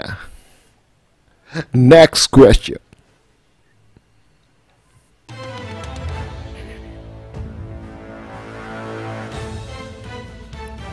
Yuk ngaji. Kini hari dalam format terbaru. Menjawab pertanyaan-pertanyaan kamu yang tidak mungkin dijawab sebelumnya. Hadir dalam kemasan 300 gram. Kata sabun Kabel colek kali. Dijual terpisah. Ini jual terpisah, dasi terpisah. Ini mana tadi? Pertanyaan, aduh punya gue gelap banget, bentar HP gue lobet. Iya, oke. Pertanyaan selanjutnya. Nah ini, ini menarik nih. Izin bertanya dong. Iya izin Kalau- bertani juga boleh. Kalau iya, mau apalagi kamu kalau kamu pakai kaos, kaos kaki bertani. Iya. Pasti kamu akan bukan oleh seorang Cina mualaf. Pertanyaan nih, kalau menikah itu separuh agama, menyempurnakan separuh agama, Iya, dan yang setengahnya lagi disempurnakan dengan takwa. iya. Terus kalau manusia yang sampai ajalnya ditakdirkan tidak menikah, berarti gimana caranya menyempurnain agamanya? Kak, ada kaknya. Udah ketinggalan, sorry, sorry, ketinggalan. Oh, berarti Mas Cahyo. Iya ini kan Kak Cahyo. Ayo Kak Cahyo. Ayo, gimana tuh? Bagaimana Kak Cahyo? Ayo, menikah kan menyempurnakan separuh menikah. agama. Heh, kamu kerja yang bener dong kok setengah-setengah. Maaf pak, saya jomblo. Ayo, gimana tuh Tat? Menyempurn kalau dia sampai mati nggak menikah, apakah separuh agamanya berarti nggak sempurna gitu Tat? Mati dengan membawa separuh agamanya. Saja. Malaikat bertanya, mana Separuh agamamu? jiwaku. Nih, separuh doang. Separuhnya mana? Belum ketemu, ditikung orang. Eh, Itu Hawa masih- sama Hawa Oh, iya. sama Sifron pengen masuk tuh dari tadi. Wuh, ada. kita tanya. Si Firun belum ada, baru tanya. ada Hawa doang. Wuh, ada purple purple. Apakah di sini ada army? Hey army. Purple purple. Eh tapi dia dia juga orangnya. Kirain rame. Satu orang doang ternyata. Hai. Halo Alfa. Wah, nyong. Halo, Waalaikumsalam. Salam. Tambah gelap aja. Al. Iya, Iya kamu di kafe mana tuh ceritanya? di rumah. Enggak, itu kafenya ceritanya kafenya di mana? Hawa. Iya. Jujur banget sih jadi, orang nggak bisa. Pertanyaannya, Mm-mm. kalau ada orang sampai mati belum menikah, kan berarti dia belum menyempurnakan separuh agamanya. Dia hanya Hmm. bisa bertakwa, memenuhi separuhnya lagi. Bagaimana nasibnya dia? Apakah dia akan pulang kepada Allah dengan membawa separuh agama saja tanpa bisa memenuhi separuhnya lagi? Jawab. Wih, Tahu nggak jawaban dia apa? Aduh nggak tahu tuh soalnya aku udah sempurna agamaku. sombong banget. itu kalau gue yang lu tanya, makanya gue nggak sempurna sempurna. Biar nggak Ayo, sombong. gimana Alfa? Jadi yang aku yang aku pernah baca tentang hadis eh, sempurnanya setengah agama itu terjaganya dari eh, zina. Terjaga jadi lebih menundukkan pandangan, terus kemaluannya lebih terjaga. Jadi kan ada banyak orang nih ya, ada banyak orang yang eh, setelah nikah juga pandangannya nggak bisa dijaga, terus kemudian kemaluannya nggak bisa dijaga. Nah itu eh, berarti agamanya juga nggak sempurna. I see. Jadi eh, makna makna sempurnanya setengah agama tuh karena terjaga se- eh, karena terjaga eh, dua hal yang paling merusak dalam agama itu perut Hmm. sama kemaluan gitu. Jadi kalau udah nikah perut sama kemaluannya nggak terjaga, ya sama aja dia nggak sempurna agamanya gitu. Perut maksudnya apa perut? Perut Aku Jadi maksudnya agak tersinggung. maksud- Ini perutnya offside kan- semua. ya kan mas- kan orang kan masalah pertamanya kalau dia nggak bisa makan mas kalau dia nggak bisa makan ya orang bakal mau bunuh-bunuhan bahkan eh, kasus yang kemarin tuh yang undang-undang apa bisa aja nyambungnya. menurut aku Kenapa aku kalau ngelihat kalau ngelihat itu tuh eh, kita demo demo demo menurut aku aku kurang kayak gimana ya? Kurang serk aja gitu. Walaupun sebenarnya mereka mereka tuh mengaspirasikan eh, perasaan mereka ya. Cuman yang mereka demokan itu adalah masalah perut mereka bukan masalah eh, syariat Allah gitu. Waduh, Buset. itu harusnya lu jawab kemarin. Aduh. Jangan memperkeruh suasana dong. Bentar ya. Ya, Bentar, aku mau fokus tidak suka karena Gila. ada yang dipotong-potong kan tuh, ya kan? Template buat karena masalah gaji, karena masalah itu, itu kan masalah perut ya, bukan masalah syariat. Harusnya kita sama-sama menyuarakan ini nggak bener, yang bener tuh kalau kita menegakkan syariat gitu. Mm-mm. Aku mau nyala ke situ sih, sorry, saya nggak nyambung. iya makanya. Ya iyalah, lu nyari ribut lu. Ah, kaki nih makan kaki nih. ya gitu. Virtual, jadi, virtual. jadi kalau kamu, jadi kalau kamu bisa menahan eh, syahwat kamu dari hal yang haram gitu kan, Mm. Menjaga perut dan kemaluan kamu dari hal yang haram, eh, kamu sibuk menuntut ilmu seperti para ulama itu oke gitu. Oke, oke. Iya. Berarti maksudnya tadi eh, Hawa tuh kan ada dua yang paling besar perut sama apa Sama kemaluan. sama kemaluan. Maksudnya berarti kalau lu udah nikah harusnya kan kemaluan lu terjaga. Heeh, Si- pandangan lu sisa terjaga. yang satu lagi itu loh jaga perut gitu maksudnya ya. Putus-putus mas.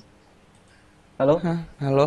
apa tadi lu ngomong? Bang. Sisa, sisa yang separuhnya lagi berarti kan yang perut itu yang harus dijaga Heeh, gitu kan maksudnya. heeh, heeh. Kalau udah nikah. Iya. gimana ya? heeh. Hmm. Ya, aku masih belum nangkep maksudnya perut itu gimana? Apa Ya itu tadi orang yang bener. sebelum menikah mak Gimana? Enggak, nikah itu untuk yang Coba kemaluan kita- bukan coba perut. Nah, Makanya yang perut itu dengan apa? iya dengan sisanya separuhnya maksudnya dia gitu. Iya Jadi- mas. Kan kita butuh makan Oh. setiap hari mas. Jadi Lu nikah kan butuh- itu buat buat kemaluannya. Iya. Kalau separuh sisanya itu untuk menjaga perut gitu. Iya. N- Gitu kan, Wak? Iya gitu. Ih, nggak paham nih. Oh. Apa sih? Tahu. Coba kita tanya sama yang lebih eh, Susah emang yang nggak pernah masalah sama urusan perutnya, makmur sih. Mas Berarti kalau aku perutnya nggak bisa kejaga, apakah aku harus lagi? ya, gimana? Antum mau giring ke situ. ya Allah. Eh, ya, jadi di dalam Islam itu ada banyak aktivitas yang punya eh, keutamaan gitu. Dan eh, ini indahnya Islam gitu. Jadi setiap amal itu punya keutamaan-keutamaan yang bahkan keutamaan itu melampaui sesuatu yang yang apa ya yang kita anggap normal dalam dalam dalam cara kita berpikir gitu. Misalnya ada malam Lailatul Qadar, malam yang lebih baik dari seribu bulan. Itu kan artinya pahalanya melampaui itu gitu. Kemudian ada amalan-amalan yang lain lah, Eh, sholat eh, di awal waktu dan seterusnya. Termasuk pernikahan ini juga begitu. Pernikahan itu punya keutamaan seperti halnya gambarannya adalah m- menyempurnakan agama. Jadi eh, ini satu sisi eh, jadi benar semua begitu. Jadi maksudnya kebaikan-kebaikan ini benar semua. Hanya memang ada eh, situasi di mana eh, orang itu belum menikah, belum menemukan jodohnya gitu. Atau dia eh, punya fokus yang lain sehingga dia tidak sempat lagi menikah gitu. Karena beberapa ulama juga ada yang eh, menjomblo sampai akhir hayatnya seperti Ibnu Taimiyah gitu ya, Hmm. dalam Oh, Ibnu Taimiyah tuh cerita. sampai akhir Ya. hayat ya? Kemudian Imam Nawawi, kemudian At-Tabari itu beberapa ilmuwan yang ulama yang dia itu eh, menjomblo. Tapi bukan berarti kemudian dia nggak ngapa-ngapain gitu.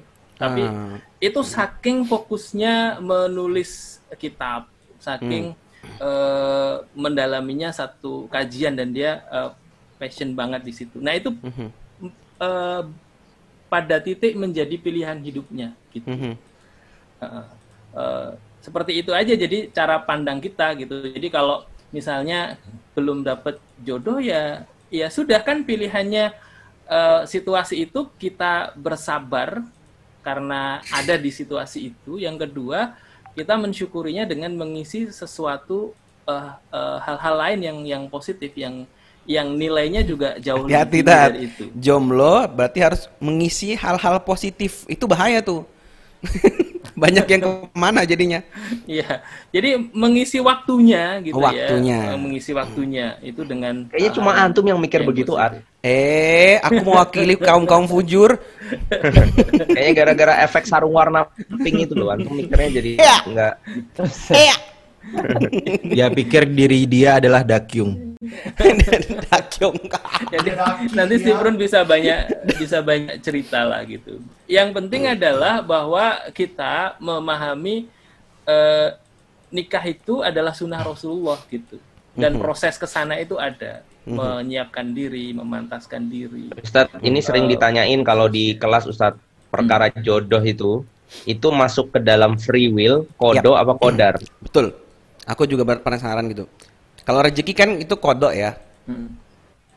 Mati Ya. kodok. Hmm. Rezeki itu kodo. Eh, semua orang ada rezekinya itu kodar, tapi takarannya itu kodo. Sedangkan Oke. bagaimana cara kita mengupayakan itu free will Oke. yang akan dihisap.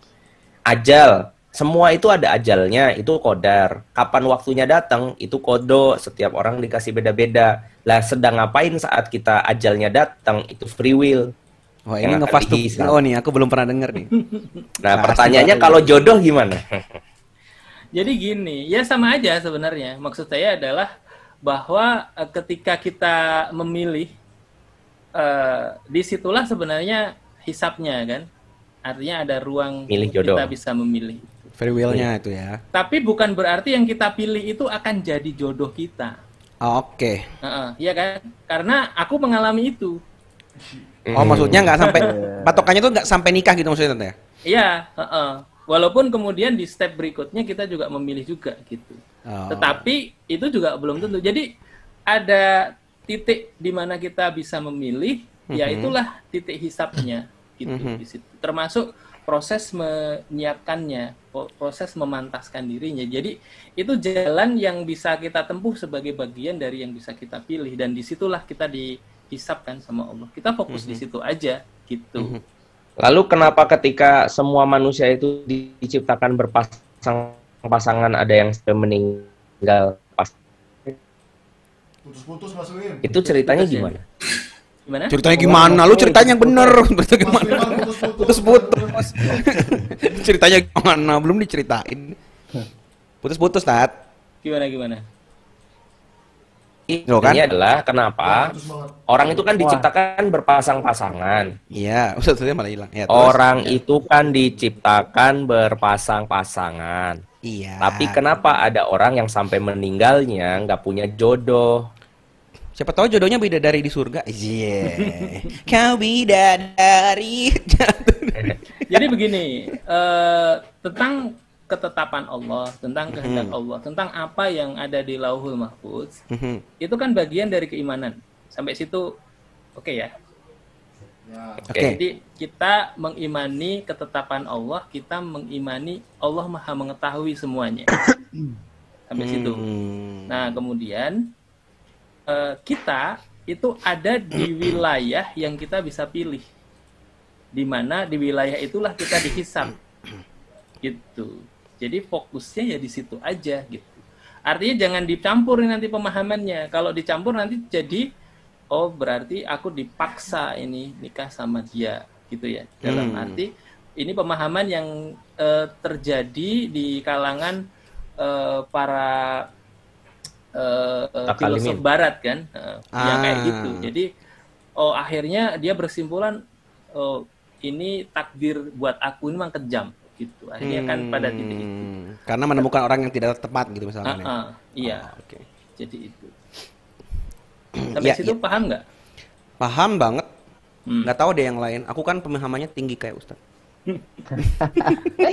Atau mungkin mau ditambahkan sama Ada yang mau nambahin nggak sebelum kita next nih? Ron mau jawab nggak? Ron. Pendapat Ibnu Khaldun gimana? Pertanyaannya apa tadi? Iya bener kita baru datang tahu-tahu ditanya apa? Nggak tahu pertanyaannya Pak. Buset. Mendadak kita di hutan ya. Eh, it- it- sama satu lagi ya yang dikemukakan sama Hawa tadi eh, tentang unjuk rasa itu saya kira juga harus ada perspektif yang lain ya. Artinya maksudnya eh, Hampus lu ah. Dulu Bahwa- datang-datang rusuh sih, datang kemarin lu bahwa kita peduli pada masyarakat, kita peduli pada ketidakadilan gitu ya, kezaliman itu bagian dari amal solih juga gitu. Oh. Sampai pada aktivitas mencari nafkah itu kan sebenarnya hubungannya sama perut juga gitu. Hmm, makanya kalau nongkrong jangan yang emperan surga mulu. Mencari jodoh itu kan bagian dari mungkin kemaluan kalau tadi dibahasakan sama Hawaryun gitu. Jadi segenap kebutuhan kita ini sebenarnya setiap orang punya gitu. Ada goriza, ada hajatul udhawiyah. Nah, problemnya adalah pada proses pemenuhannya. Itu aja Hmm. pemenuhannya, termasuk kebutuhan untuk hidup dalam situasi yang adil. Itu kan kebutuhan manusia. Jadi dia menjadi safety kan, menjadi aman. Orizatul bakoknya eh, gitu kan. Eh, itu perlu dipenuhi. Cara pemenuhannya bisa jadi eh, me- mem- melakukan unjuk rasa, melakukan apa protes, melakukan eh, jadi men- menanyakan kepada orang lain. Dan itu nggak saya kira nggak ada nggak ada masalah. Hanya memang caranya juga itu harus eh, sesuai dengan hukum syara gitu. Tidak boleh merusak tidak boleh eh, berkata-kata kotor gitu. Mhm. karena kalau kita lihat hal ini wajar sekali dulu pada masa Rasulullah, pada masa Umar bin Khattab, itu kan banyak orang yang kemudian menyampaikan aspirasinya. Eh, misalnya eh, aspirasi tentang eh, ini suaminya sudah pergi berjihad selama sekian waktu gitu ya misalnya. Nah, itu kan kemudian lahir kebijakan yang adil dari aspirasi itu. Jadi ini memang soal komunikasi yang harus eh, berjalan antara pemimpin dan rakyat gitu. Dan pemimpin wajib untuk menegakkan keadilan, rakyat wajib melakukan muhasabah lil hukam namanya. Jadi eh, Pengawasan ya? Pengawasan, melakukan koreksi gitu. Kontrol. Heeh, melakukan kontrol. Walaupun nanti kalau kita eh, bahasakan ya kontrolnya eh, koreksinya bisa jadi eh, pada pembahasan yang semalam ada beberapa level gitu mana yang harus di- Hmm. dirubah. Itu aja sih supaya tidak terjadi eh, bias Supaya pemahaman. tidak terjadi pemotongan video lagi. Wah, ayo cepetan minta maaf. Ya, bilang apa? Am- bilang apa? Ampun kakak, bilang. Ampun kakak. Hmm, bagus. Jangan ulangi lagi ya.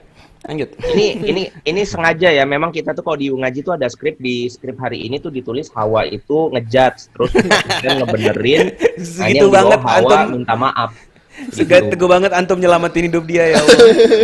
Ya, biarin. Terus habis itu live group. padahal padahal bahasa Arab loh Wah, Woi. Siapa toke itu? Oh, Ustadz Husain kayaknya. Gimana? Mau ditambahin? Oh, boleh, boleh. Mau nggak tambahin? Masalah Jadi, separuh eh, agama. Separuh agama itu ada dua dua pandangan. Oke. Dari dari segi tertutupnya amal dan segi keterbukaannya pahala.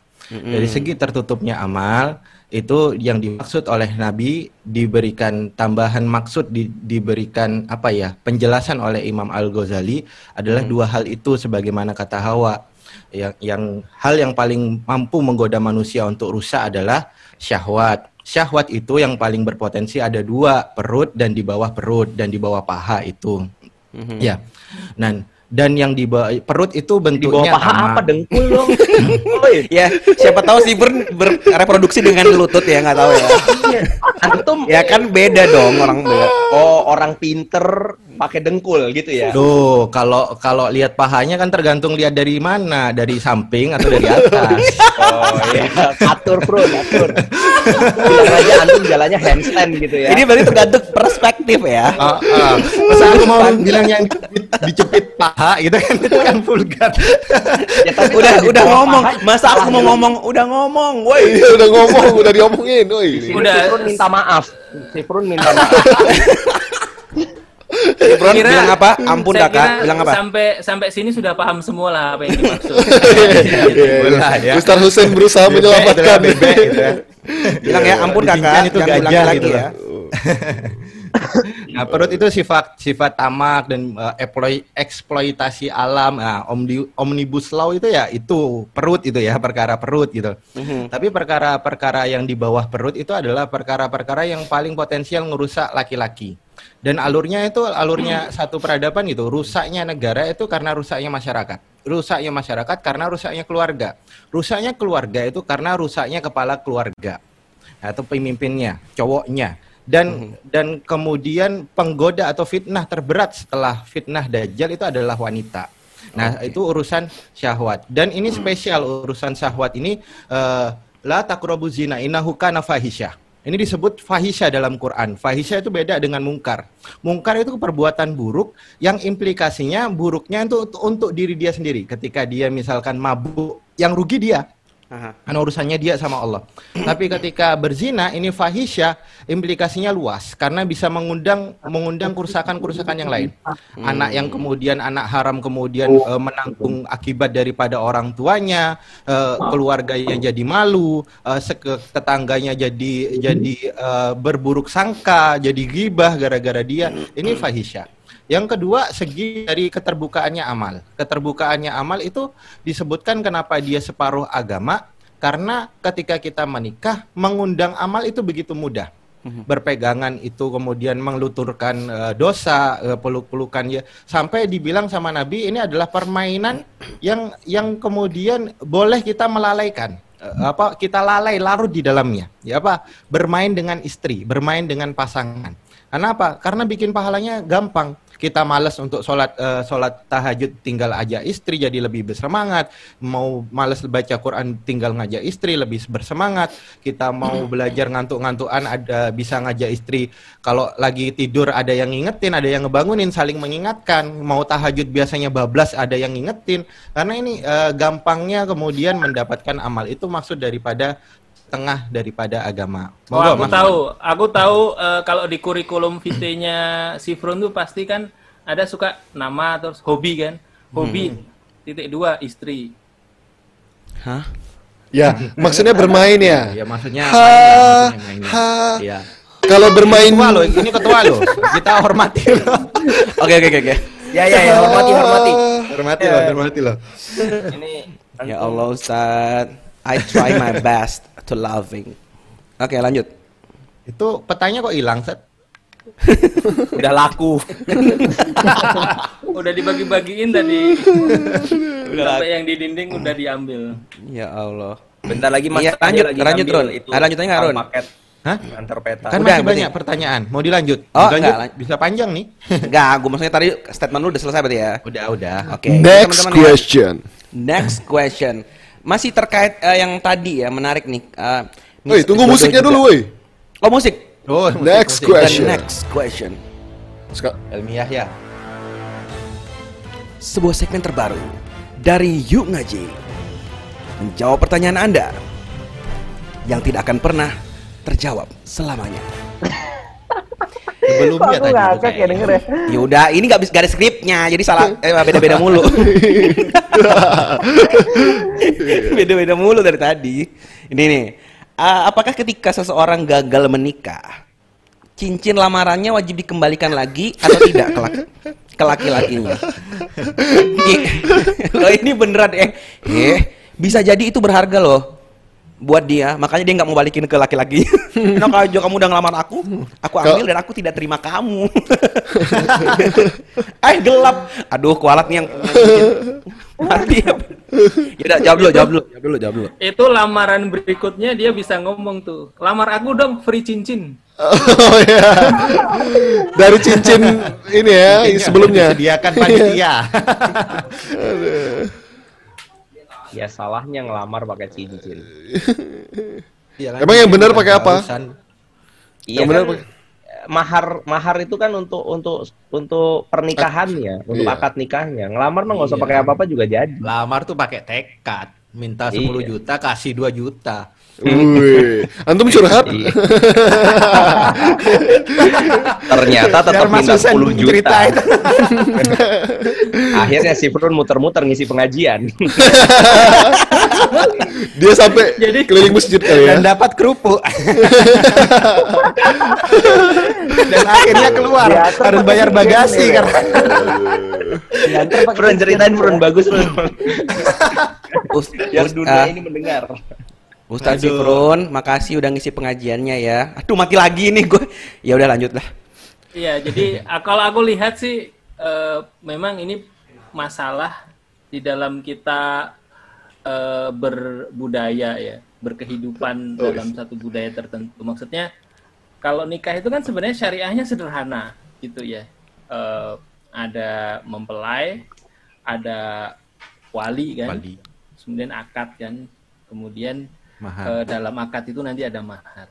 Ya, sebenarnya syariahnya di situ aja. Hanya memang dalam konteks budaya ini kan ada namanya seserahan gitu ya di awal itu ya. Dan Tinggal kadang kuntilanak datang cocok ya.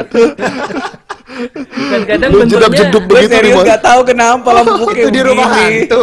Aku udah mau nangis ini lampu gue kenapa? Jedap-jedap Rumah begitu. halaman Dora ya? Gak tahu lampu gue. Ya lanjut lanjut dulu aja. Lanjut Udah. Ustaz.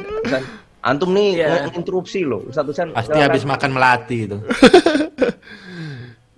Iya, jadi ada namanya seserahan, ada namanya uang panaik, ada namanya apa lagi itu macam-macam lah ya. Nah, eh, ini kan ada dalam budaya tertentu ya, dan hampir semua budaya ada proses yang seperti itu. Nah, eh, posisinya ya bukan ada di inti dari dari syariahnya itu. Jadi kalau itu disebut sebagai pemberian, ya itu pemberian sebenarnya pemberian. Eh, Hadiah. namanya pemberian, ya kemudian menjadi hak milik kan, gitu. Betul. Lantas kalau nggak jadi, gimana dibalikin nggak? Ya terserah yang punya gitu, mau dibalikin atau enggak gitu. Atau dikoleksi gitu. Nanti koleksinya kalau udah banyak, udah banyak bisa dijual begitu, Eh, dipakai untuk untuk hal untuk sesuatu. Gitu. Saya kira itu sih se- se- sesederhana itu. Sederhana Baru itu ya. menerima lamaran ya. Oh, Menge- oke. Menerima lamaran yang eh, akan gagal gitu ya. Jadi, tapi nggak boleh begitu sih. Iya langsung. Ada. Jadi namanya namanya lamaran itu kan eh, sebenarnya eh, kalau dalam bahasa kita kan dalam bahasa eh, syariah itu hitbah. Khidbah. Jadi hitbah, Khitbah. hitbah itu adalah mengajukan eh, apa ya maksud permintaan. Proposal. Ya, mempropos. Ustadz Cahyo tuh setiap Jumat dia khidbah. Jumat. ya itu beda. Khodah, khodah. Bukan hit, bukan hitbah. Itu salah denger Nah, panjang urusan, Ustaz. Bininya salah denger. Cuman kan kita pengen dalam proses hitbah itu kan kadang-kadang perlu ada penanda kan. Hmm. Apakah cincin, apakah mobil, rumah, eh, kebun gitu dan Masya. Allah. Iya loh kalau dalam tradisi-tradisi yang eh, lebih lebih apa lebih serius itu begitu. Kalau dia ngelamar dia harus membawain sekian gitu. Karena eh, ini sering terjadi miss kan kemudian karena ada dialog yang tidak tidak apa eh, tidak clear gitu. Bayangannya dari pihak perempuan misalnya akan bawain uang yang cukup untuk walimahan, tapi dibawainnya cuman berapa kemarin satu juta ya? Curhat nih. Iya. Ini yang membuat kekagetan eh, secara massal gitu. Eh, nah, Massal. tapi itu nggak ada masalah gitu. Itu itu bisa dikomunikasikan karena itu bukan bagian dari syariat. gitu. Kecuali kalau pas akad tiba-tiba lupa nyebutin mahar, nggak ada maharnya. Nah itu baru eh, tidak sah kan sih. Kira itu sih. Mungkin nggak ada ya, nambahin. Oke, next question. Lanjut, At. Next question. Oke. eh jangan lupa Pertanyaan. Pertanyaan Kalau saya selanjutnya. boleh- boleh Oh, nambah Boleh, nggak? boleh, boleh, boleh. Oh, ya, boleh, boleh, boleh, boleh, boleh, boleh, boleh, boleh, boleh. Jadi menurut, menurut saya pernikahan ini kan bukan sesuatu yang sepele ya. Ini Jangan adalah buka baju, jangan buka baju. Oke, lanjut pertanyaannya. Gaya aku takut buka baju. Aku gatel buka baju belum. Jadi Gimana, masalah buka baju Allah buka baju. masalah pernikahan itu bukan masalah yang uh, Buka sederhana. Terus bukan sederhana itu ini adalah masalah halal haram gitu. Bahkan mungkin Nawariun nih kayaknya hafal nih. Hanya ada dua ya, dua perjanjian besar di dalam Al-Quran kan. Apa namanya apa? Ustaz. Sakon. Mithaqon Ghalidh. Nah, itu kan sesuatu yang luar biasa itu. Artinya kalau memang sudah memiliki persepsi bahwa ini adalah eh, masalah yang sangat besar, maka seharusnya ini dikembalikan kepada bagaimana tata aturan dari yang maha besar gitu loh. Allah. Bagaimana kemudian tata aturan pernikahan itu harus benar-benar syar'i. Masalah nanti ada tambahan-tambahan yang lain, itu yang penting syar'inya itu selesai dulu gitu. Hmm. gitu loh. Syar'inya itu selesai dulu. Masalah tiba-tiba ada tambahan yang lain, yes pokoknya itu nanti dulu, selesaikan dulu masalah yang syar'i. Kan di kitab di kitab ini kan ada. Oh. Waduh. Oh, oh. Wow. ada dibahas. Oh, oh, oh. ada dibahas. Belinya di saya mana? diajari sama guru saya. Efeknya harus gitu ya. Guru saya udah ngajari itu. Jadi men- guru saya ya uh, Ustadz Husain ya. Jadi selesaikan Harusnya tuh dulu nunjukin bahasa Arabnya, Tat. Eh? Guru Harusnya antum nunjukin guru- bukunya tuh dalam bahasa Arab biar keto guru sekaligus muakif Iya. itu. Muakif yang ngajari. Ya intinya di situ. Jadi sebenarnya kalau bicara masalah akad bukan bicara pernak-perniknya dulu. Tetapi nanti ketika teman-teman mau akad dengan seseorang itu bicarakan dulu syar'inya itu kayak apa gitu. Proses yang syar'i itu kayak apa gitu. Bahwa di, di- bahwa nanti ada pernak-pernik kayak itu itu kemudian nanti juga ada hukumnya juga kan itu kan. Tuh, ada yang Ya, komen aneh. nih, Bagi- kitab kitabnya buat giveaway dong.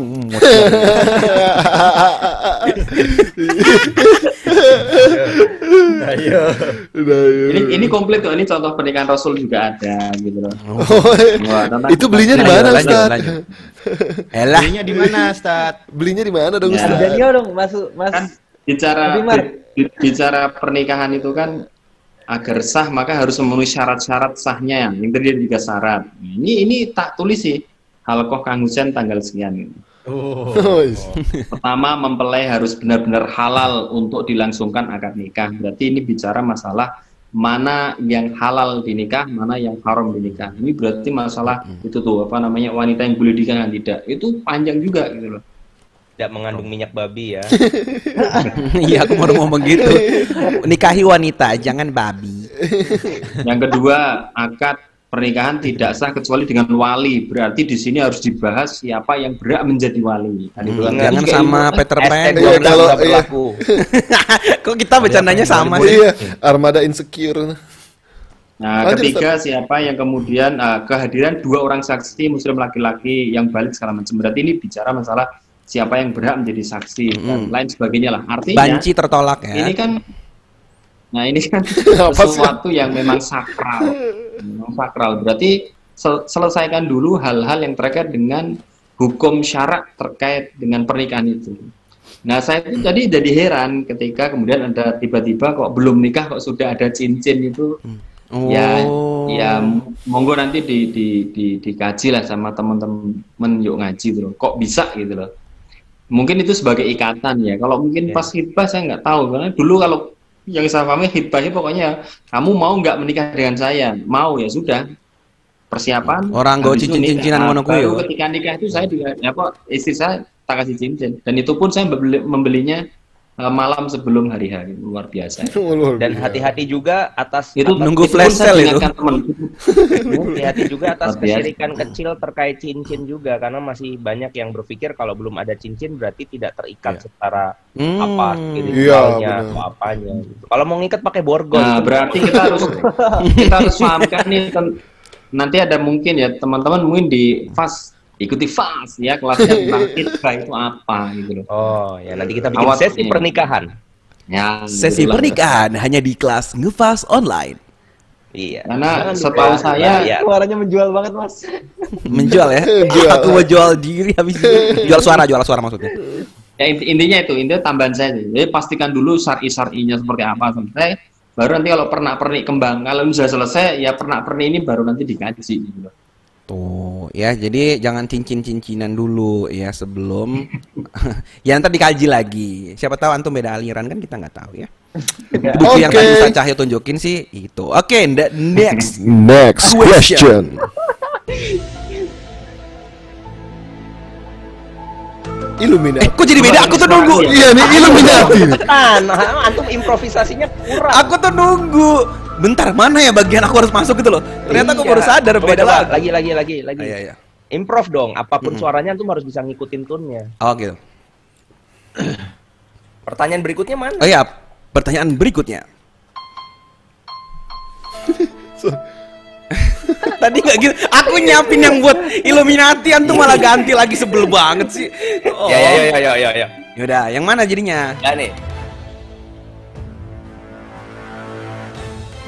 Segmen terbaru dari Yuk Ngaji TV menjawab pertanyaan Anda yang tidak pernah terjawab sejak lahir.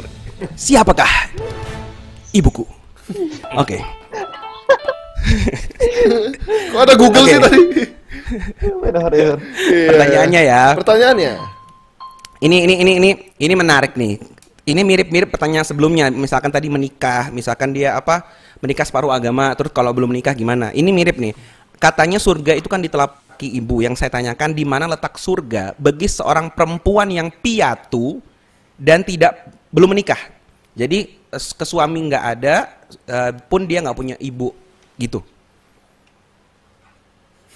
Ayo, mau bercanda takut ya sama anak yatim, takut kualat kan antum? Hmm, Dark joke nggak berlaku di ngaji. Baru dan ingat ini live, ini live. Aku ini Hati-hati. lagi menahan mulutku Iya. tidak Aku tadi sembarangan. Nah, antum takut kena kualat Iya, kan? no. mari mari. Di gua nyanyi. Aku mau nyebut Piatu. bercanda, mending nyanyi aja lah gitu. Piatu. Piatu. Nggak apa-apa, di- nggak apa-apa ngomong aja. Bukan Iya, yatim kok ini piatu. Ini bukan yatim. Ke yang Nggak boleh bercanda. Nggak boleh bercanda. Fuad bodoh. Jangan begitu, Fuad. Memang, memang iya bodoh. bodoh. Bodoh. Boleh. Eh jawab. Kembali ke pemahaman Vincent yang tadi, Gimana? Iya kan tadi setiap amal itu punya keutamaan masing-masing. Betul, betul. Karena suatu ketika ada yang ada yang ditanya ya kan apa namanya eh, ya ini ini versi saya ya untuk kemudian membuat kita memahami bahwa Islam itu tidak hanya bicara satu konteks, konteks dan konten gitu ya. Tapi saya melihat begini suatu ketika kan pernah ditanya ya Rasulullah amal apa yang paling eh, apa namanya oh, oh, mulia paling paling tinggi tinggi pahalanya? Maka disebut adalah jihad fisabilillah. Tapi suatu ketika Rasulullah ditanya ya ya Rasulullah amal apa yang paling mulia? Rasulullah mengatakan sholat tepat waktu. Kemudian Rasulullah pernah ditanya lagi amal apa yang kemudian paling mulia adalah berbakti kepada orang tua. Loh amal paling mulia kok banyak banget. Berarti kan Rasulullah bicara tentang konteks. Masuk dalam kehidupan kita ya ketika kita eh, bicara tentang ibu kita yang alhamdulillah mungkin ya ini hampir semua ini yang di sini kayak eh, pernah merasakan pelukan kasih sayang ibu gitu ya. Ya bagi kita untuk kalau kita bicara masalah birul walidain ya kita memahami bahwa memang surga itu luar biasa. Tapi bagaimana kemudian kalau selama ini kita tidak tahu ya Eh, ya berarti ada amal-amal utama yang lain yang bisa kita kejar untuk kemudian memperoleh surga yang Allah janjikan juga gitu loh. Iya. Hmm. Bener nggak sih Ustadz? Jadi Allah itu punya punya punya punya memberikan cara kepada setiap manusia untuk memperoleh eh, jalan surganya gitu. Dengan kondisi yang ada gitu kata Ya. Soalnya Bener. kan misalkan aku tuh Jadi pernah tidak dengar anak yatim atau yatim atau yatim piatu itu kan ini ya deket sama Rasulullah ya Rasulullah. Eh gimana sih sayang sama anak Iya. yatim apa gimana? Tim kayak begini. Nah gitu. Artinya itu kan kondisi yang hanya bisa dimiliki sama anak yatim gitu. Privilege-nya Mungkin anak gue yatim ngiri, itu. aduh kok lu deket sama Rasul, mas gue nggak yatim kan nggak mungkin gue. Oke, lah nggak usah lanjutin. Tapi kan artinya itu kan kondisi yang nggak mungkin. Gue punya orang tua, tapi gue mau deket sama Rasulullah, tapi gue nggak yatim. Terus gimana dong? Iya. Nah makanya tadi ada jalan lain ya, nggak harus meyatimkan diri gitu ya. Mungkin eh, kalau seandainya ada motif pembunuhan bermotif dekat kepada Rasul ya. Nah, kenapa kamu bunuh ibu? Membunuh bapak malah makin jauh. Ini dia kan parah banget. Enggak, enggak, enggak. di kondisi yang terlihat sangat tidak menguntungkan, justru di sana ada kemuliaan tersendiri yang bahkan orang lain nggak bener, punya. Jadi nggak perlu. Betul itu. Nggak perlu Aku harus ngomong ngono apa. wangil ya. Mungkin iya. kalau seandainya eh, yang apa? Kalau sa- bro itu. Kalau seandainya perspektifnya yang diganti begini bener nggak Ustadz? Soalnya begini, kan dia membaca hadis tentang bahwa surga di telapak kaki ibu. Kan sebenarnya bukan literally surga itu ada di telapak kaki ibu, tapi maksudnya itu kan eh, eh, kalau kita berbaik bakti kepada ibu kita, kita akan mendapatkan ganjarannya bisa-bisa surga gitu kan. Jadi Ya. Iya kan, jadi bukan berarti literally surga itu ada di telapak kaki ibu, maksudnya begitu kan? Iya, tapi yang Iya, benar, dimasalahkan ini orang ini nggak ada ibunya. Dia Oh. nggak bisa berbakti sama iya, ibunya. buru-buru telapak, ibunya nggak ada. Lu ngerti gak sih? Malah bahas telapak. Ah. Ibunya ini nggak ada. Saya saya saya lupa kalau dia ya, saya lupa kalau dia yatim. Astagfirullahaladzim, lu ada banget. Jadi Ya. ada dua ada kalau dalam syariat ya yang kedudukannya nyaris sama dengan ibu ya kedudukannya nyaris sama. Ini nyaris menyamai eh, kedudukan eh, rasul atau bahkan kedudukan yang yang apa ya sakral di dalam agama. Mhm. Nah, yang pertama adalah ibu. Kenapa? Karena ridho ridho ridho Allah itu ridho ridho orang tua. Dan orang tua itu tiga banding satu. Ibu tiga, bapak itu satu. Ya, ibu tiga kali lipat. Jadi eh, ridhonya ibu itu sangat memungkinkan kita untuk masuk kepada surga. Dan tidak ridhonya ibu sangat tidak memungkinkan kita, eh, sangat memungkinkan kita untuk masuk ke neraka. Tapi perlu dengan catatan eh, la taati eh, la taati makhluk bi maksiatil khaliq. Tidak ada ketaatan kepada makhluk, tidak ada ketaatan kepada makhluk dengan bermaksiat kepada sang pencipta. Jadi kalau ibu nyuruh kita keluar agama itu bukan bukan kewajiban kita untuk taat. Dalam hal ini adalah kewajiban taat sama ibu adalah sesuatu yang sudah terkonfirmasi boleh dalam agama. Itu atau bahkan sunnah atau bahkan wajib bukan sesuatu yang yang haram. Bahkan makruh itu bisa bisa menjadi keharusan karena ini perintah daripada ibu. Tapi itu bukan pembahasan kita, itu pembahasan ada di di fase itu ya, prioritas amal gitu ya. Ah, iya kan? Ada kan? Makanya ikut ngefast online www.ngefast.id. Nah, setelah setelah orang tua di mana ibu itu unggul tiga banding satu, ya ini yang kedua adalah suami. Bagi, sebagaimana Rasul itu bilang kalau ada makhluk yang aku suruh perintahkan kalian sujud kepada dia itu istri kepada suami. Sehingga kalau pertanyaannya adalah perempuan, kita taatnya keba- kepada siapa setelah ibu ini tidak ada? Ya kepada suami, karena suami itu kedudukannya menggantikan orang tua, apalagi bagi perempuan. Perempuan ketika akad, kewajiban kepada suami, kewajiban kepada orang tua itu 100% berpindah kepada eh, itu berpindah kepada suami. Dalam artian bukan berarti kemudian kita gak wajib lagi. Tapi takaran wajibnya, misalkan takaran wajibnya kepada orang tua, kita setelah akad 100%. Kemudian akad, maka 100% itu berpindah kepada suami. Sehingga orang tua itu misalkan jadi 90%, bisa dipahami ya teman-teman. Jadi suami itu menjadi nomor satu setelah setelah istri, eh, setelah setelah menjadi istri. Nah itulah yang kemudian perlu teman-teman pahami urutan ketaatan. Urutan ketaatan kita kan prioritasnya yang pertama Allah, kedua Rasul, ketiga ketiga kalau bagi laki-laki orang tua, kalau bagi perempuan yang ketiga itu adalah suami. Ya, setelah menikah ya. Yang keempat eh, baru ketika perempuan sudah menikah adalah orang tua. Itulah kemudian eh, Nah, skala ini tadi itu. pertanyaannya kan dia nggak punya ibu dan nggak punya suami gitu. Gimana dong Run? Ya, aku Ya kan ketaatan nambahin. kan bisa bisa ini, bisa dengan mendoakan, bisa dengan kemudian Oh. melakukan amal-amal yang yang dikhususkan untuk orang tua. Itu kan pernah Dan malah bagus ya, dia nggak perlu menjalin emosi tanda kutip. Misalkan kalau orang hidup bareng orang tuanya, dia kan uh, harus hidup bareng tuh kan pasti uh, kadang masih punya peluang besar untuk tanda kutip durhaka ya, banyak nyakitin hati orang tua. Kalau Iya, dalam kondisi balasannya begi- pasti lebih justru Ad. Iya, Karena makanya. ketika kita mendoakan orang tua kita yang memang dari kecil baik sama kita, itu kan effortless. Tapi Iya. ketika dia bahkan tidak mengenal orang tuanya tapi mau mendoakan dia ya, itu menjadi sesuatu nilai yang berbeda gitu. Mhm. Termasuk yang sering-sering kelewat bahwasanya tekad kita untuk menjadi baik itu adalah bagian daripada birrul walidain. Kenapa? Hmm. Apa yang kita lakukan itu tanggung jawabnya kembali kepada orang tua yang nanti akan dipertanyakan. Kalau kita melakukan amal, amalnya akan mengalir kepada orang tua nantinya. Gitu lah. Oke. Kalau kita melakukan dosa yang dimintai pertanggungjawaban nanti termasuk adalah orang tua kita. Oh, berarti caranya agar si anak yang uh, kan nggak mungkin nggak punya ibu, maksudnya adalah orang tuanya udah meninggal kan? Berarti ibu kan tetap ada pasti kan, walaupun dia tidak tahu siapa ibunya atau mungkin sudah meninggal. Dengan berbuat amal baik, berarti dia secara nggak langsung sudah berbakti dan memberikan transfer pahala buat orang tuanya gitu ya Ron ya? Betul, maka di pondok-pondok tahfiz itu kan banyak ketika eh, yatim atau piatu, tapi dia ngafalin Quran. Kenapa? Aku pengen ketemu orang tuaku dan ketika aku ketemu, aku pengen bawa mahkota yang aku pasangkan kepada orang tuaku. Itu kan banyak motivasinya. Kenapa kita enggak gitu loh? Masya Allah. Masya Allah. Alright. teman ya terjawab ya teman-teman Yes, ya jadi insya Allah terjawab. maksud kita di sini tadi bercanda-bercanda itu adalah setiap orang itu sebenarnya Allah sudah berikan porsi terbaik untuk dia bisa mendekatkan diri kepada Allah yang tidak memiliki orang tua ada caranya biar bisa dekat sama Allah yang punya orang tua juga punya jalan yang lain untuk dekat sama Allah gitu kita Dan ada jalan yang dan ada jalan yang ditakdirkan dan ada jalan yang itu bisa diupayakan. Ya misalkan ditakdirkan ketika orang misalkan eh, orang orang dikasih keturunan misalnya, ya itu berarti jalan yang ditakdirkan. Berarti dia punya kewajiban pah- eh, pahala jariah dia bisa ditempuh lewat anak soleh yang akan mendoakan dia kelak.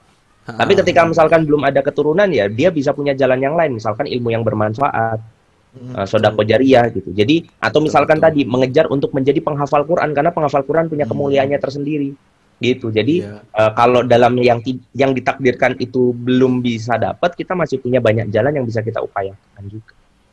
Ada yang cerita unik ya, cara Hmm. baktinya Imam Syafi'i itu dengan memenuhi permintaan ibunya. Apa permintaan ibunya? Ngusir Imam Syafi'i dari rumah. Kamu jangan Hmm. ketemu sama aku, jangan balik kecuali kamu jadi seorang yang fakih.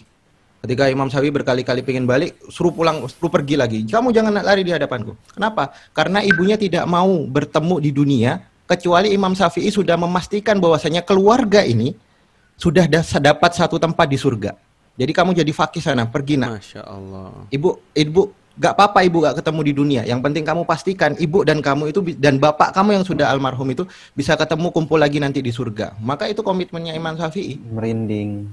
Allah. Nah, itu bisa baca ceritanya nanti. ya ya Nah, kemarin aku pulang kampung, At. ternyata ibuku nggak ngusir aku. Nah, terus? Aku sudah fakih.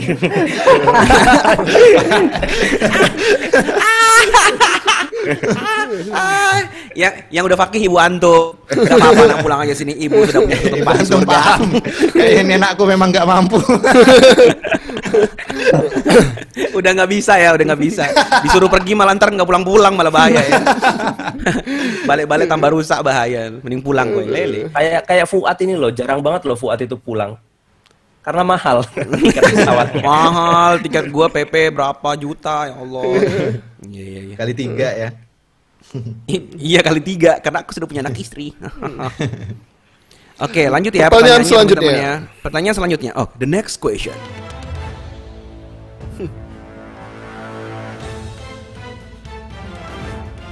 ...187,4 FM You Ngaji Radio.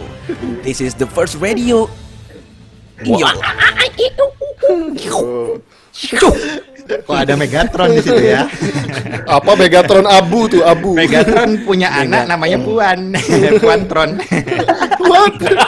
Astagfirullah. Astagfirullah. Nah, Megatron punya budak namanya JK Tron. JK tuh. Astagfirullah. Punya budak ya Allah. Eh salah boneka. Aku mau menyelamatkan diri aja. Kan inisial. Oke lanjut ya. Pertanyaan selanjutnya. Kak, bunuh kutu itu dosa apa enggak? Kan anak pesantren akhwat ada kutu tuh pasti. Lah apaan sih ini orang? iya dia bilang begitu pertanyaannya. Kak, bunuh kutu itu dosa apa enggak? Kan anak pondok pesantren emang di pondok banyak kutu. Lu kutuan waktu pondok. Enggak, biasa aja. Kutuan kan kali. Hmm. Parah. Ih Kalau nyakitin lo. mungkin ya, karena rambutnya kan banyak. Kalau gue dulu di pondok, kutu yang banyak tuh di kasur, kutu kutu busuk zaman dulu kan kutunya Oh, iya, kasurnya iya, tuh iya. kapok Tinggi, kapok. Sama Iya, iya. budik, kudis. Airnya campur-campur Iya. orang banyak. Makanya ustadz gue tuh selalu bikin pepatah dalam bahasa Arab. Uskut, izalam taskut fa anta kutu busuk kata gitu. Wes. Artinya, Bu, nggak tahu, waktu kelas 1 mas itu. Iya, ini jawab. kalau kutu Apakah kupret membunuh itu apa sih? kupret itu apa? Yo, eh, jangan asal tanya tuh, bentar tahu jorok lagi. Hmm, iya, aku, aku nanya. Biasanya kan sebutan itu kan dia reverse kepada sesuatu. Siapa tahu nggak tahu. Mas saya tahu nggak kutu kupret? Apa sih nggak penting banget? Enggak. Nggak tahu. Ini Ya yang pokoknya komen, misuh lah, enak aja gitu ketika Eh. ngomong kutu kupret gitu kan. Kayaknya Oh. dua sama depannya sama intonasinya Oh. enak gitu kan. Oh, itu Buat misuh enak, tapi Kutu enakan kupret, kutu sih kalau kaki. Kayak misalkan Jadi ini ya, nih. gitu. Ini Alfa pasti nggak tahu. Kalau ada orang ngomong, wih ini gede banget, segede gaban gitu ya. Pernah dengar nggak segede gaban? Gaban apa? Iya, gaban apaan itu- sih? Nah, itu kamu nggak tahu kan? film zaman dulu. Nah, Ustadz Husen sih? tahu gaban. Gaban. Gaban itu, Ya, itu apa film, Ustadz? itu film. Gaban. Iya, film yang bisa jadi gede itu. Iya, kayak Ant-Man gitu dia bisa Gaban. digazot. Itu itu ada ada musiknya juga. Gaban gitu. Gaban, gaban, Aku aja nggak tahu loh gaban apa. kita bertemu lagi. Coba. Gaban. Gaban. Gaban. Itu itu kayak lagu 80-an ya, gaban. Enggak, dia gaban gitu. loh. itu, itu, itu lagi yang tadi. Yang dicelup. Ya Allah. Jingle-nya nggak kreatif Ya tuh ya. Allah. Ada yang bisa nebak lo pondok gua di mana? Wah, keren banget kalian stalkingnya. Oke, gimana jadinya bunuh bunuh kutu tuh gimana dosa apa enggak? Oke, aku Kayak jujur aja ya. gua ya, gua tuh kadang mau bunuh semut, itu gua tuh bingung antara gua bunuh apa enggak ya gitu. Kalau semut mah gak boleh, semut mah dilindungi. lah misalkan dia ngerumutin deket kita gimana dong? nggak boleh, maka Hmm. ngusir semut itu bisa pakai cara alami, misalkan digabung, ditaburkan merica, bikin dia gak nyaman, ditaburkan garam. Disapu boleh nggak? Cara dibunuh, kalau disapu boleh. Oh. Kalau disedot gak tahu ya itu ngebunuh atau enggak, dia di dalamnya hidup atau enggak itu lah. Kamu kamu datengin A terus bisikin, eh kita Apa? punya grup yang nggak ada kamunya loh. Nanti dia langsung Udah sakit hati ya. Bubar dia. Jadi eh, hewan-hewan yang ada interaksinya dengan Nabi itu gak boleh dibunuh, yang Oh, interaksinya begitu. bagus. Sum- semut, lebah, kemudian eh, Gajah, Laba-laba. burung burung pipit, eh, Laba-laba. kemudian burung ababil. laba-laba. Ya, burung ababil ya kamu antum cari aja di mana. Nongkrongnya di mana burung ababil? Burok ya, burok. Burok nggak boleh dibunuh burok. kamu kurban apa burok? Mahal cuy. Nanti sayapnya buat keluarga saya ya. Sayapnya ya. Iya ya gitu. Oh tinggal Jadi boleh ada- ya. Oh, ya kalau yang dibunuh itu tuh. ada lima hewan Ya perusak yang boleh dibunuh kalau kata Nabi kan dalam satu hadisnya Bukhari Muslim Eh, lim- lima hewan perusak yang disebut yang dimention secara khusus sama Nabi itu ular, gagak, tikus, serigala dan kemudian raja wali atau elang ya burung-burung yang kemudian predator itu. Tapi kemudian eh, ulama em, mempelajari lagi makna hadis ini apa ternyata bisa diperluas. Nabi menyebutkan alasan atau ilat yang pertama adalah hewan yang merusak. Merusak di sini adalah hewan yang bisa menghadirkan mudorot atau gangguan, hewan yang bisa menghadirkan apa ya eh, penyakit terhadap kita. Ah, Maka kecoa boleh. Iya, kecoa boleh begitu ya. Bagi u- eh, bagi kemudian ulama yang di sini itu ya. Nyamuk kalau juga, yang nyamuk. saklek ya lima itu. Ya ada juga yang saklek kan. Nah, Oh. eh, nyamuk itu boleh. Kemudian kutu karena menghadirkan penyakit itu boleh. Tapi syarat membunuhnya nanti ulama berbeda pendapat lagi. Ada yang kemudian eh, mengharamkan raket listrik. Nah, Iya, biasanya aku denger sih katanya nggak boleh yang bakar-bakar gitu itu- ya. Listrik itu termasuk api karena api itu nggak boleh digunakan untuk eh, membunuh gitu loh. Iya, betul betul aku pernah dengar kalau gitu. Itu sih. Cicak, itu kan cicak di hadis Sunat, yang lain kan? disebutkan untuk disunah untuk dibunuh. Kenapa? Iya, iya. Karena punya track record buruk dengan Nabi Ibrahim. Hmm. Kalau Iya, tikus iya, iya. berdasi boleh nggak tuh? Wah, bawa penyakit untuk negara ini. ya kalau DNA-nya adalah hewan ya. Bisa dibuktikan dia sejenis hewan, boleh. Aduh, Hewan Jerry. pengerat. In insight-nya saya kira eh, hal-hal sekecil itu aja ada loh dalam Islam itu ya. Hmm. Sampai masalah kutu. Iya. Kalau Hmm. dalam pembahasan kitab itu ada lima lima fungsi dari eh, mabda Islam. Salah satunya adalah hifdun nafs itu menjaga kehidupan, menjaga eh, jiwa gitu. Termasuk tadi penjelasannya adalah bagaimana manusia itu eksis tanpa melanggar syariah gitu. Antara lain itu tadi bahwa ada eh, hewan atau kutu itu kan hewan ya yang Iya. membahayakan, yang mengancam, ya itu boleh untuk di di apa eh, dibunuh gitu. Atau malah justru kalau itu kaitannya dengan eh, eh, penyakit dan itu membahayakan dan itu mengancam jiwa, malah kategorinya sampai wajib karena Hmm. itu air, Atau hama gitu ya, hama. Iya, heeh, gitu. Jadi nanti di, dari situ kan muncul satu pemahaman, oh berarti nggak boleh diternak dong di, di kepala karena hobi itu kan geli-geli gitu. Menggelikan. ya itu misalnya. Ada nggak yang gitu misalnya? Iya kan jijik kan ya. Ada Artinya- ada Zat, banyak biasanya eh, yang anak-anak eh, ya mohon maaf Ada ya ya? anak-anak reggae kan nggak mau keramas itu. Kenapa lu nggak mau keramas? Itu kutunya banyak loh. Aku kan ternak gitu. Kadang Oh, jok-joknya itu kan jawaban kayak begitu ya, jokes-jokes gitu. Nah, kan diisi banyak itu. kaitannya kan kaitannya kan nanti dengan konsentrasi ibadah kaitannya dengan eh, hadas Eh, aspek toharoh itu kan menjadi eh, menjadi penting dari hal-hal yang demikian. Artinya kalau kita melihat Islam itu sebagai peradaban yang bersih gitu. Jadi aku membayangkan kalau ada satu tempat itu masih banyak kutunya tikus di mana-mana itu kayak abad pertengahannya Eropa Barat gitu Hmm. di mana situasinya itu begitu yang kita bahas kemarin gitu sanitasi buruk hewan-hewan yang eh, merugikan mengancam tuh ada di mana-mana gitu. Aku bisa nambah Jadi- ini. Peradaban Eropa Barat itu tahun berapa kurang lebih, Tat? dari eh, abad Sebelum ke-7 rilisan. sampai abad ke-16 ya 16. Kalau kita mau tahu 1000 tentang tahun. abad itu bisa dilihat di mana ya, Ustaz ya? Di Sepertinya ada Golden peta Age. pertengahan.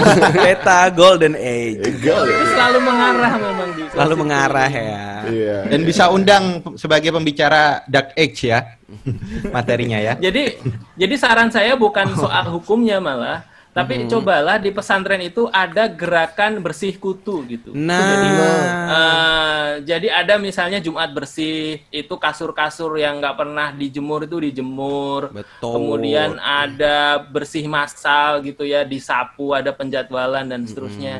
Jadi eh, namanya belajar tuh harusnya ya situasinya menyenangkan, situasinya bersih, bersih. gitu. Betul, betul. Jangan betul. identikan pesantren dengan kutu. Tadi kan sempat ada kayak pernyataan itu ya. Udah pasti Kan kutuan di tuh, Pesantren, iya. eh, itu Betul, betul, pesan betul. saya begitu. Ya itu udah kayak Ustadz, jadi kalau kita jemur sih. kasur, kutunya ikut dijemur nggak? Kutunya Iya, sehat. dong. Ya itu kan cara imun menghilangkan ya kutu Iya, kutunya sehat. Eh, dengan apa? Dengan Ketidaknyamanan. eh, secara kekutuan gitu ya. Apa sih? dengan Iya, udah ya. Sesuai dengan ham mereka ya. Iya, mereka pergi karena nggak nyaman tadi. Ya, gitu ya teman-teman ya. Udah di- disimpulkan lah Iya. intinya kalau mengganggu. Eh, Gimana Ustadz? Iya. Ya intinya Sederhana Islam bukan itu berarti di- terbelakang ya. Ini, ini tak tak bacakan aja ya. Oh ada. Islam Apa, itu di kitab- di kitab dibangun apa ini dulu?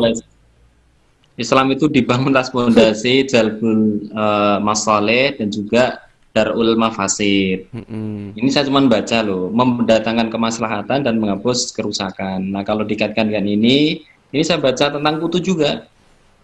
Kalau itu Babul sampai kutu. mengganggu, ya maka ya diizinkan untuk dibunuh gitu loh. Hmm, Ya wis ngono wae. gitu ya. Oke. Oke, udah mau jam 10 nih kayaknya tadi Oke, pertanyaan terakhir kutu. ya. Oh iya, udah jam Yakin nih, masa pertanyaan terakhirnya kutu?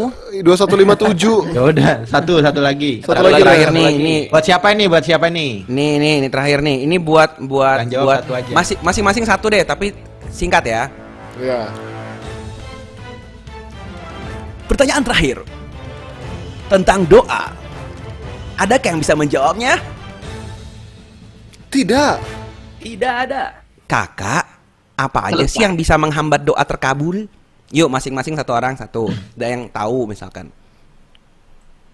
Ya, ada Kenapa? tujuh. Kenapa? Pertanyaan? Apa aja yang bisa menghambat doa dari terkabul gitu? Maksiat. Satu aku udah paling gampang. Makan makanannya Wow. nggak halal. Makan Makanan. makanan yang nggak halal. Pakaiannya Tuh. nggak halal. Iya bener. Jadi Rasulullah ceritanya Rasulullah pernah melihat seorang yang kumal, kucel Hmm. dari safar gitu ya. Logika kita kan Puasa. doanya kan dikabul. Tapi ternyata ya Rob, ya Rob, ya Rob berdoa kemudian Rasulullah kan bagaimana mungkin doamu dikabulkan sementara pakaianmu, makananmu Oh. itu haram gitu. Nah Hmm. itu. Jaga Ya. makannya teman-teman Aku ya. ya, aku ya, aku eh, karena tidak yakin Allah akan mengabulkan. Nah, betul juga. Jadi dia kayak masih merasa ragu ya atas doanya sendiri tadi ya. Iya. Oke, lanjut. Ayo berikutnya. Siapa? Ya, Sifrun. terakhir pakai dalil ya. Eh. Wa idza sa'alaka itu ibadi anni fa inni dalilnya. qarib. Apa Ujibu itu da'watad artinya? da'i idza da'an falyastajibu li wal yu'minu bi la'allahum yarsudun.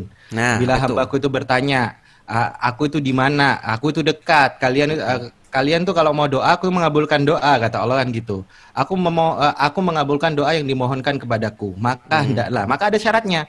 Hendaklah mereka untuk memenuhi segala permintaanku dan hendaklah mereka untuk berimanan. Wal yu'minu bi la'allahum yarsudun. Maka mereka itulah yang kemudian yang, yang selalu dalam kebenaran. Jadi ada syarat-syaratnya, penuhi syaratnya dulu. Oke, Kalau mau dikabulkan secara terhormat. Oke. Penuhi Oh, saya maksiat syarat-syaratnya. tapi dikabulkan, ya itu bisa ja- jadi istidroj. Oh, oke oke oke. Gitu ya. Itu jadi ada syarat-syaratnya yang harus teman-teman pelajari juga. Oke, lanjut. Em, Mas Wimar. Apa? Itu tadi ada dalilnya yang Ustadz Husain itu. Allah Ya. berfirman dalam hadis qudsi itu ana indadzoni abdibi. Aku itu mengikuti persangkaan hambaku. Gitu. Jadi kalau kita berdoa ya kita harus berprasangka bahwa doa ini akan Allah kabulkan. Hmm, oke, Ya, lanjut. Dalam Oh, dalil oke. yang lain, ud'uni fastajib lakum. Oh. Jadi Allah itu meminta kita berdoa. Artinya di sana ada kesengajaan berdoa, maka akan dikabulkan. Jadi memang ada pengharapan yang besar atas doa itu. Oke. Lanjut. Jangan di rumah itu ada berhala, patung, anjing gitu ya. Iya, Ya. terus Oh, Baik itu salah satunya bentuk ya. anjing maupun anjing Poster. Iya, apa iya, gitu iya, ya. iya. Berarti di rumah nggak boleh juga ada rahmat berhala-berhala dan anjing itu nggak meng- menghambat doa juga tuh ya. Ya karena malaikat rahmat kan nggak datang ke rumah-rumah yang di dalamnya ada patung dan Hmm, kalau poster idol termasuk nggak tuh? nah itu antum lah yang berfatwa harusnya. Jangan, aku cuma mancing aja. Terburu-buru lanjut. Ini dalam nih. berdoa. Oh tuh terburu-buru dalam berdoa itu juga bisa menghambat. Ya, Jangan kalimatnya buru-buru. bagus dari Umar nih, bukannya bu- musibah itu bukannya tidak terkabulnya doa. Tapi musibah adalah ketika aku berhenti untuk berdoa.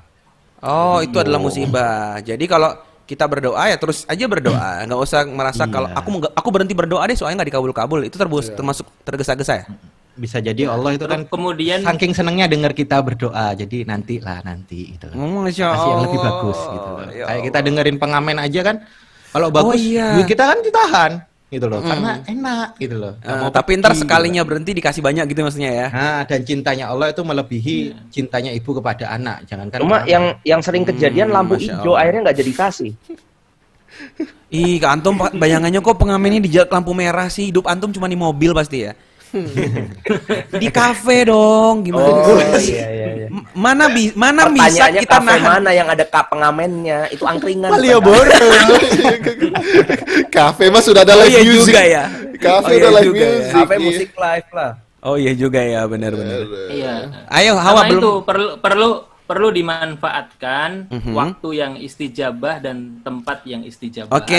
Artinya, Ada waktu-waktu yang itu doanya itu eh, kemungkinan besar ya atau punya chance yang lebih besar untuk dikabulkan. Begitu juga Hujan tempat-tempat misalkan yang ya. istijabah.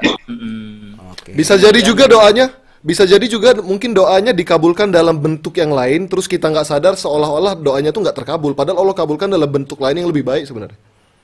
Ya. Ya, betul betul. Aku pernah dengar itu katanya Allah tuh menga- pasti mengabulkan doa, cuman bisa jadi uh, dalam bentuk lain atau ditunda sampai diganti nanti di akhirat Di yang akhirat. lebih baik gitu. Gitu sih. Ya tadi mungkin yang dimaksud Sifrun itu ditahan dulu nanti diganti dengan Allah lebih baik di akhirat nanti bisa jadi gitu. Hmm, Jadi sebelum kalau sebelum berdoa usahain kita tuh harus bersyukur dulu karena eh, nikmat Allah tuh lebih banyak yang Allah kasih ke kita dibandingkan apa yang Allah tahan. Kan Allah Ah, bilang Masya Allah. fadkuruli adzkurkum washkuruli wa takfurun. Terus kemudian ya ayyuhalladzina amanu ista'inu bisabri wassalah. Jadi perbaiki juga sholat sama sabarnya. Sholatnya diperbaiki, Oh. sabarnya ditingkatkan. Masya Allah. Sholatnya Makanya diperbaiki, sabarnya ditingkatkan dan juga tadi sebelum berdoa mulai dengan bersyukur dulu ya. Dulu, iya. Iya. betul. Makanya kan banyak doa yang diajarkan Rasulullah itu awal-awalnya adalah syukur atau puji-pujian kepada Allah. Oh, kayak Jadi ini ya zikir pagi petang subhanallah itu sama dulu baru astagfirullah ya. Heeh. Hmm, gitu. Oke, oke. Oke, kita gitu ya. Semacam kayak doa Al-Fatihah juga ya, puji-pujian juga kepada Allah dulu baru di akhir kita minta ya. Betul. Itu adab dalam berdoa ya, Mas. Adab dalam berdoa. Berarti doa ini biasa ya. ah, ber- berarti benar ya ketika dikatakan doa ini senjatanya umat muslim ya. Berarti senjata tuh yang harus dipelajari, cara makainya, di dilatih dan terusnya gitu ya. Iya, dipelihara. Iya, Kan kita ini dipelihara. jadi gak makbul kan karena kita gak ngejaga makanan sih yang paling besar. Yang kedua karena kita eh, sedikit dalam bersujud. Hmm. Ketika Nabi f- eh, ketika Sa'ad bin Abi Waqqas itu bantu Nabi untuk wudhu di tengah malam, Nabi kan bilang, kamu mau apa? Aku mau doa sama Tuhanku ini. Maka saat menyampaikan keinginannya, aku pengen semua doaku dikabulkan. Maka Nabi kasih syarat, bantulah aku dengan menjaga makanmu. Hmm. Nah, sahabat yang lain melakukan hal serupa, namanya Malik. Kemudian eh, Rasulullah bilang, bantu aku dengan memperbanyak sujudmu. Hmm, Jadi sujud dan menjaga makan itu juga pengaruh. Masya Allah. Banyak berarti teman-teman ya hadis-hadis, ayat-ayat tentang doa, adab-adabnya, syarat-syarat terkabulnya dan lain-lain. Jadi teman-teman uh, habis ini coba deh dibaca-baca lagi, di googling aja kalau emang uh, nggak punya buku-buku tentang itu. Karena doa ini begitu penting karena di saat-saat kita nggak punya pilihan lain, kita nggak punya kekuasaan, nggak mampu juga bicara untuk men- apa tadinya amar ma'ruf nahi mungkar, masih ada senjata yaitu kita berdoa kepada Allah gitu. Jadi yuk Dan- kita belajar apa? Dan untuk tahu eh, tips-tips berdoa lainnya, jangan sampai lupa untuk Ikut kelas ngefas Yuk online. ngaji kawan. Ada Ustadz Oh Felix. iya, banyak yang nanyain Ustadz Felix ke mana itu? Itu dia Ustadz Felix. Kita dengerin Ada sekali lagi dong. Ustadz Felix Mau mana? ya? Kita panggil Ustadz Felix ya. Ustadz Felix. Yuk ngaji kawan. Sebenarnya sebenarnya sih kehadiran Ustadz Felix gak, gak ini sih gak memberi pengaruh yang besar kan ya kalau kata Ustadz Ustadz itu kan. Kenapa? Itu kan kalau ada Ustadz eh, Ustadz Felix seolah-olah beliau yang paling pinter itu karena kita memang sengaja memberikan ruang supaya beliau tidak bosan dengan agama barunya. Waduh, agama baru. Gila. Gila. Aduh, Gila, mari boy. kita hentikan, mari kita hentikan live kita hari ini. Ustadz, Run, Untungnya- sip, Run, sip. Untungnya Ustadz Felix itu tidak masuk dalam undang-undang ITE, nggak masalah gitu ya. Bro. Gokil, gokil. Sesoleh-solehnya dia, dia anak baru gitu. Iya, ini upaya kita untuk mendakwai beliau sebenarnya. Parah banget. Sebagaimana Muawiyah ketika dikasih harta banyak sama Ayo ayo bumper bumper kok. Bumper Kita tutup ya. ikutan. Gila ayo. Dosa kalian sudah banyak. Yuk kita tutup dengan doa kafaratul majelis. Ayo kita tutup. Gimana doanya? Gimana doanya kakak? Asyhadu an la ilaha illa anta astaghfiruka wa atubu ilaik. Oh ya, aku bisa dubbing jadinya. Iya. Tanggaku jadi tidak berisik.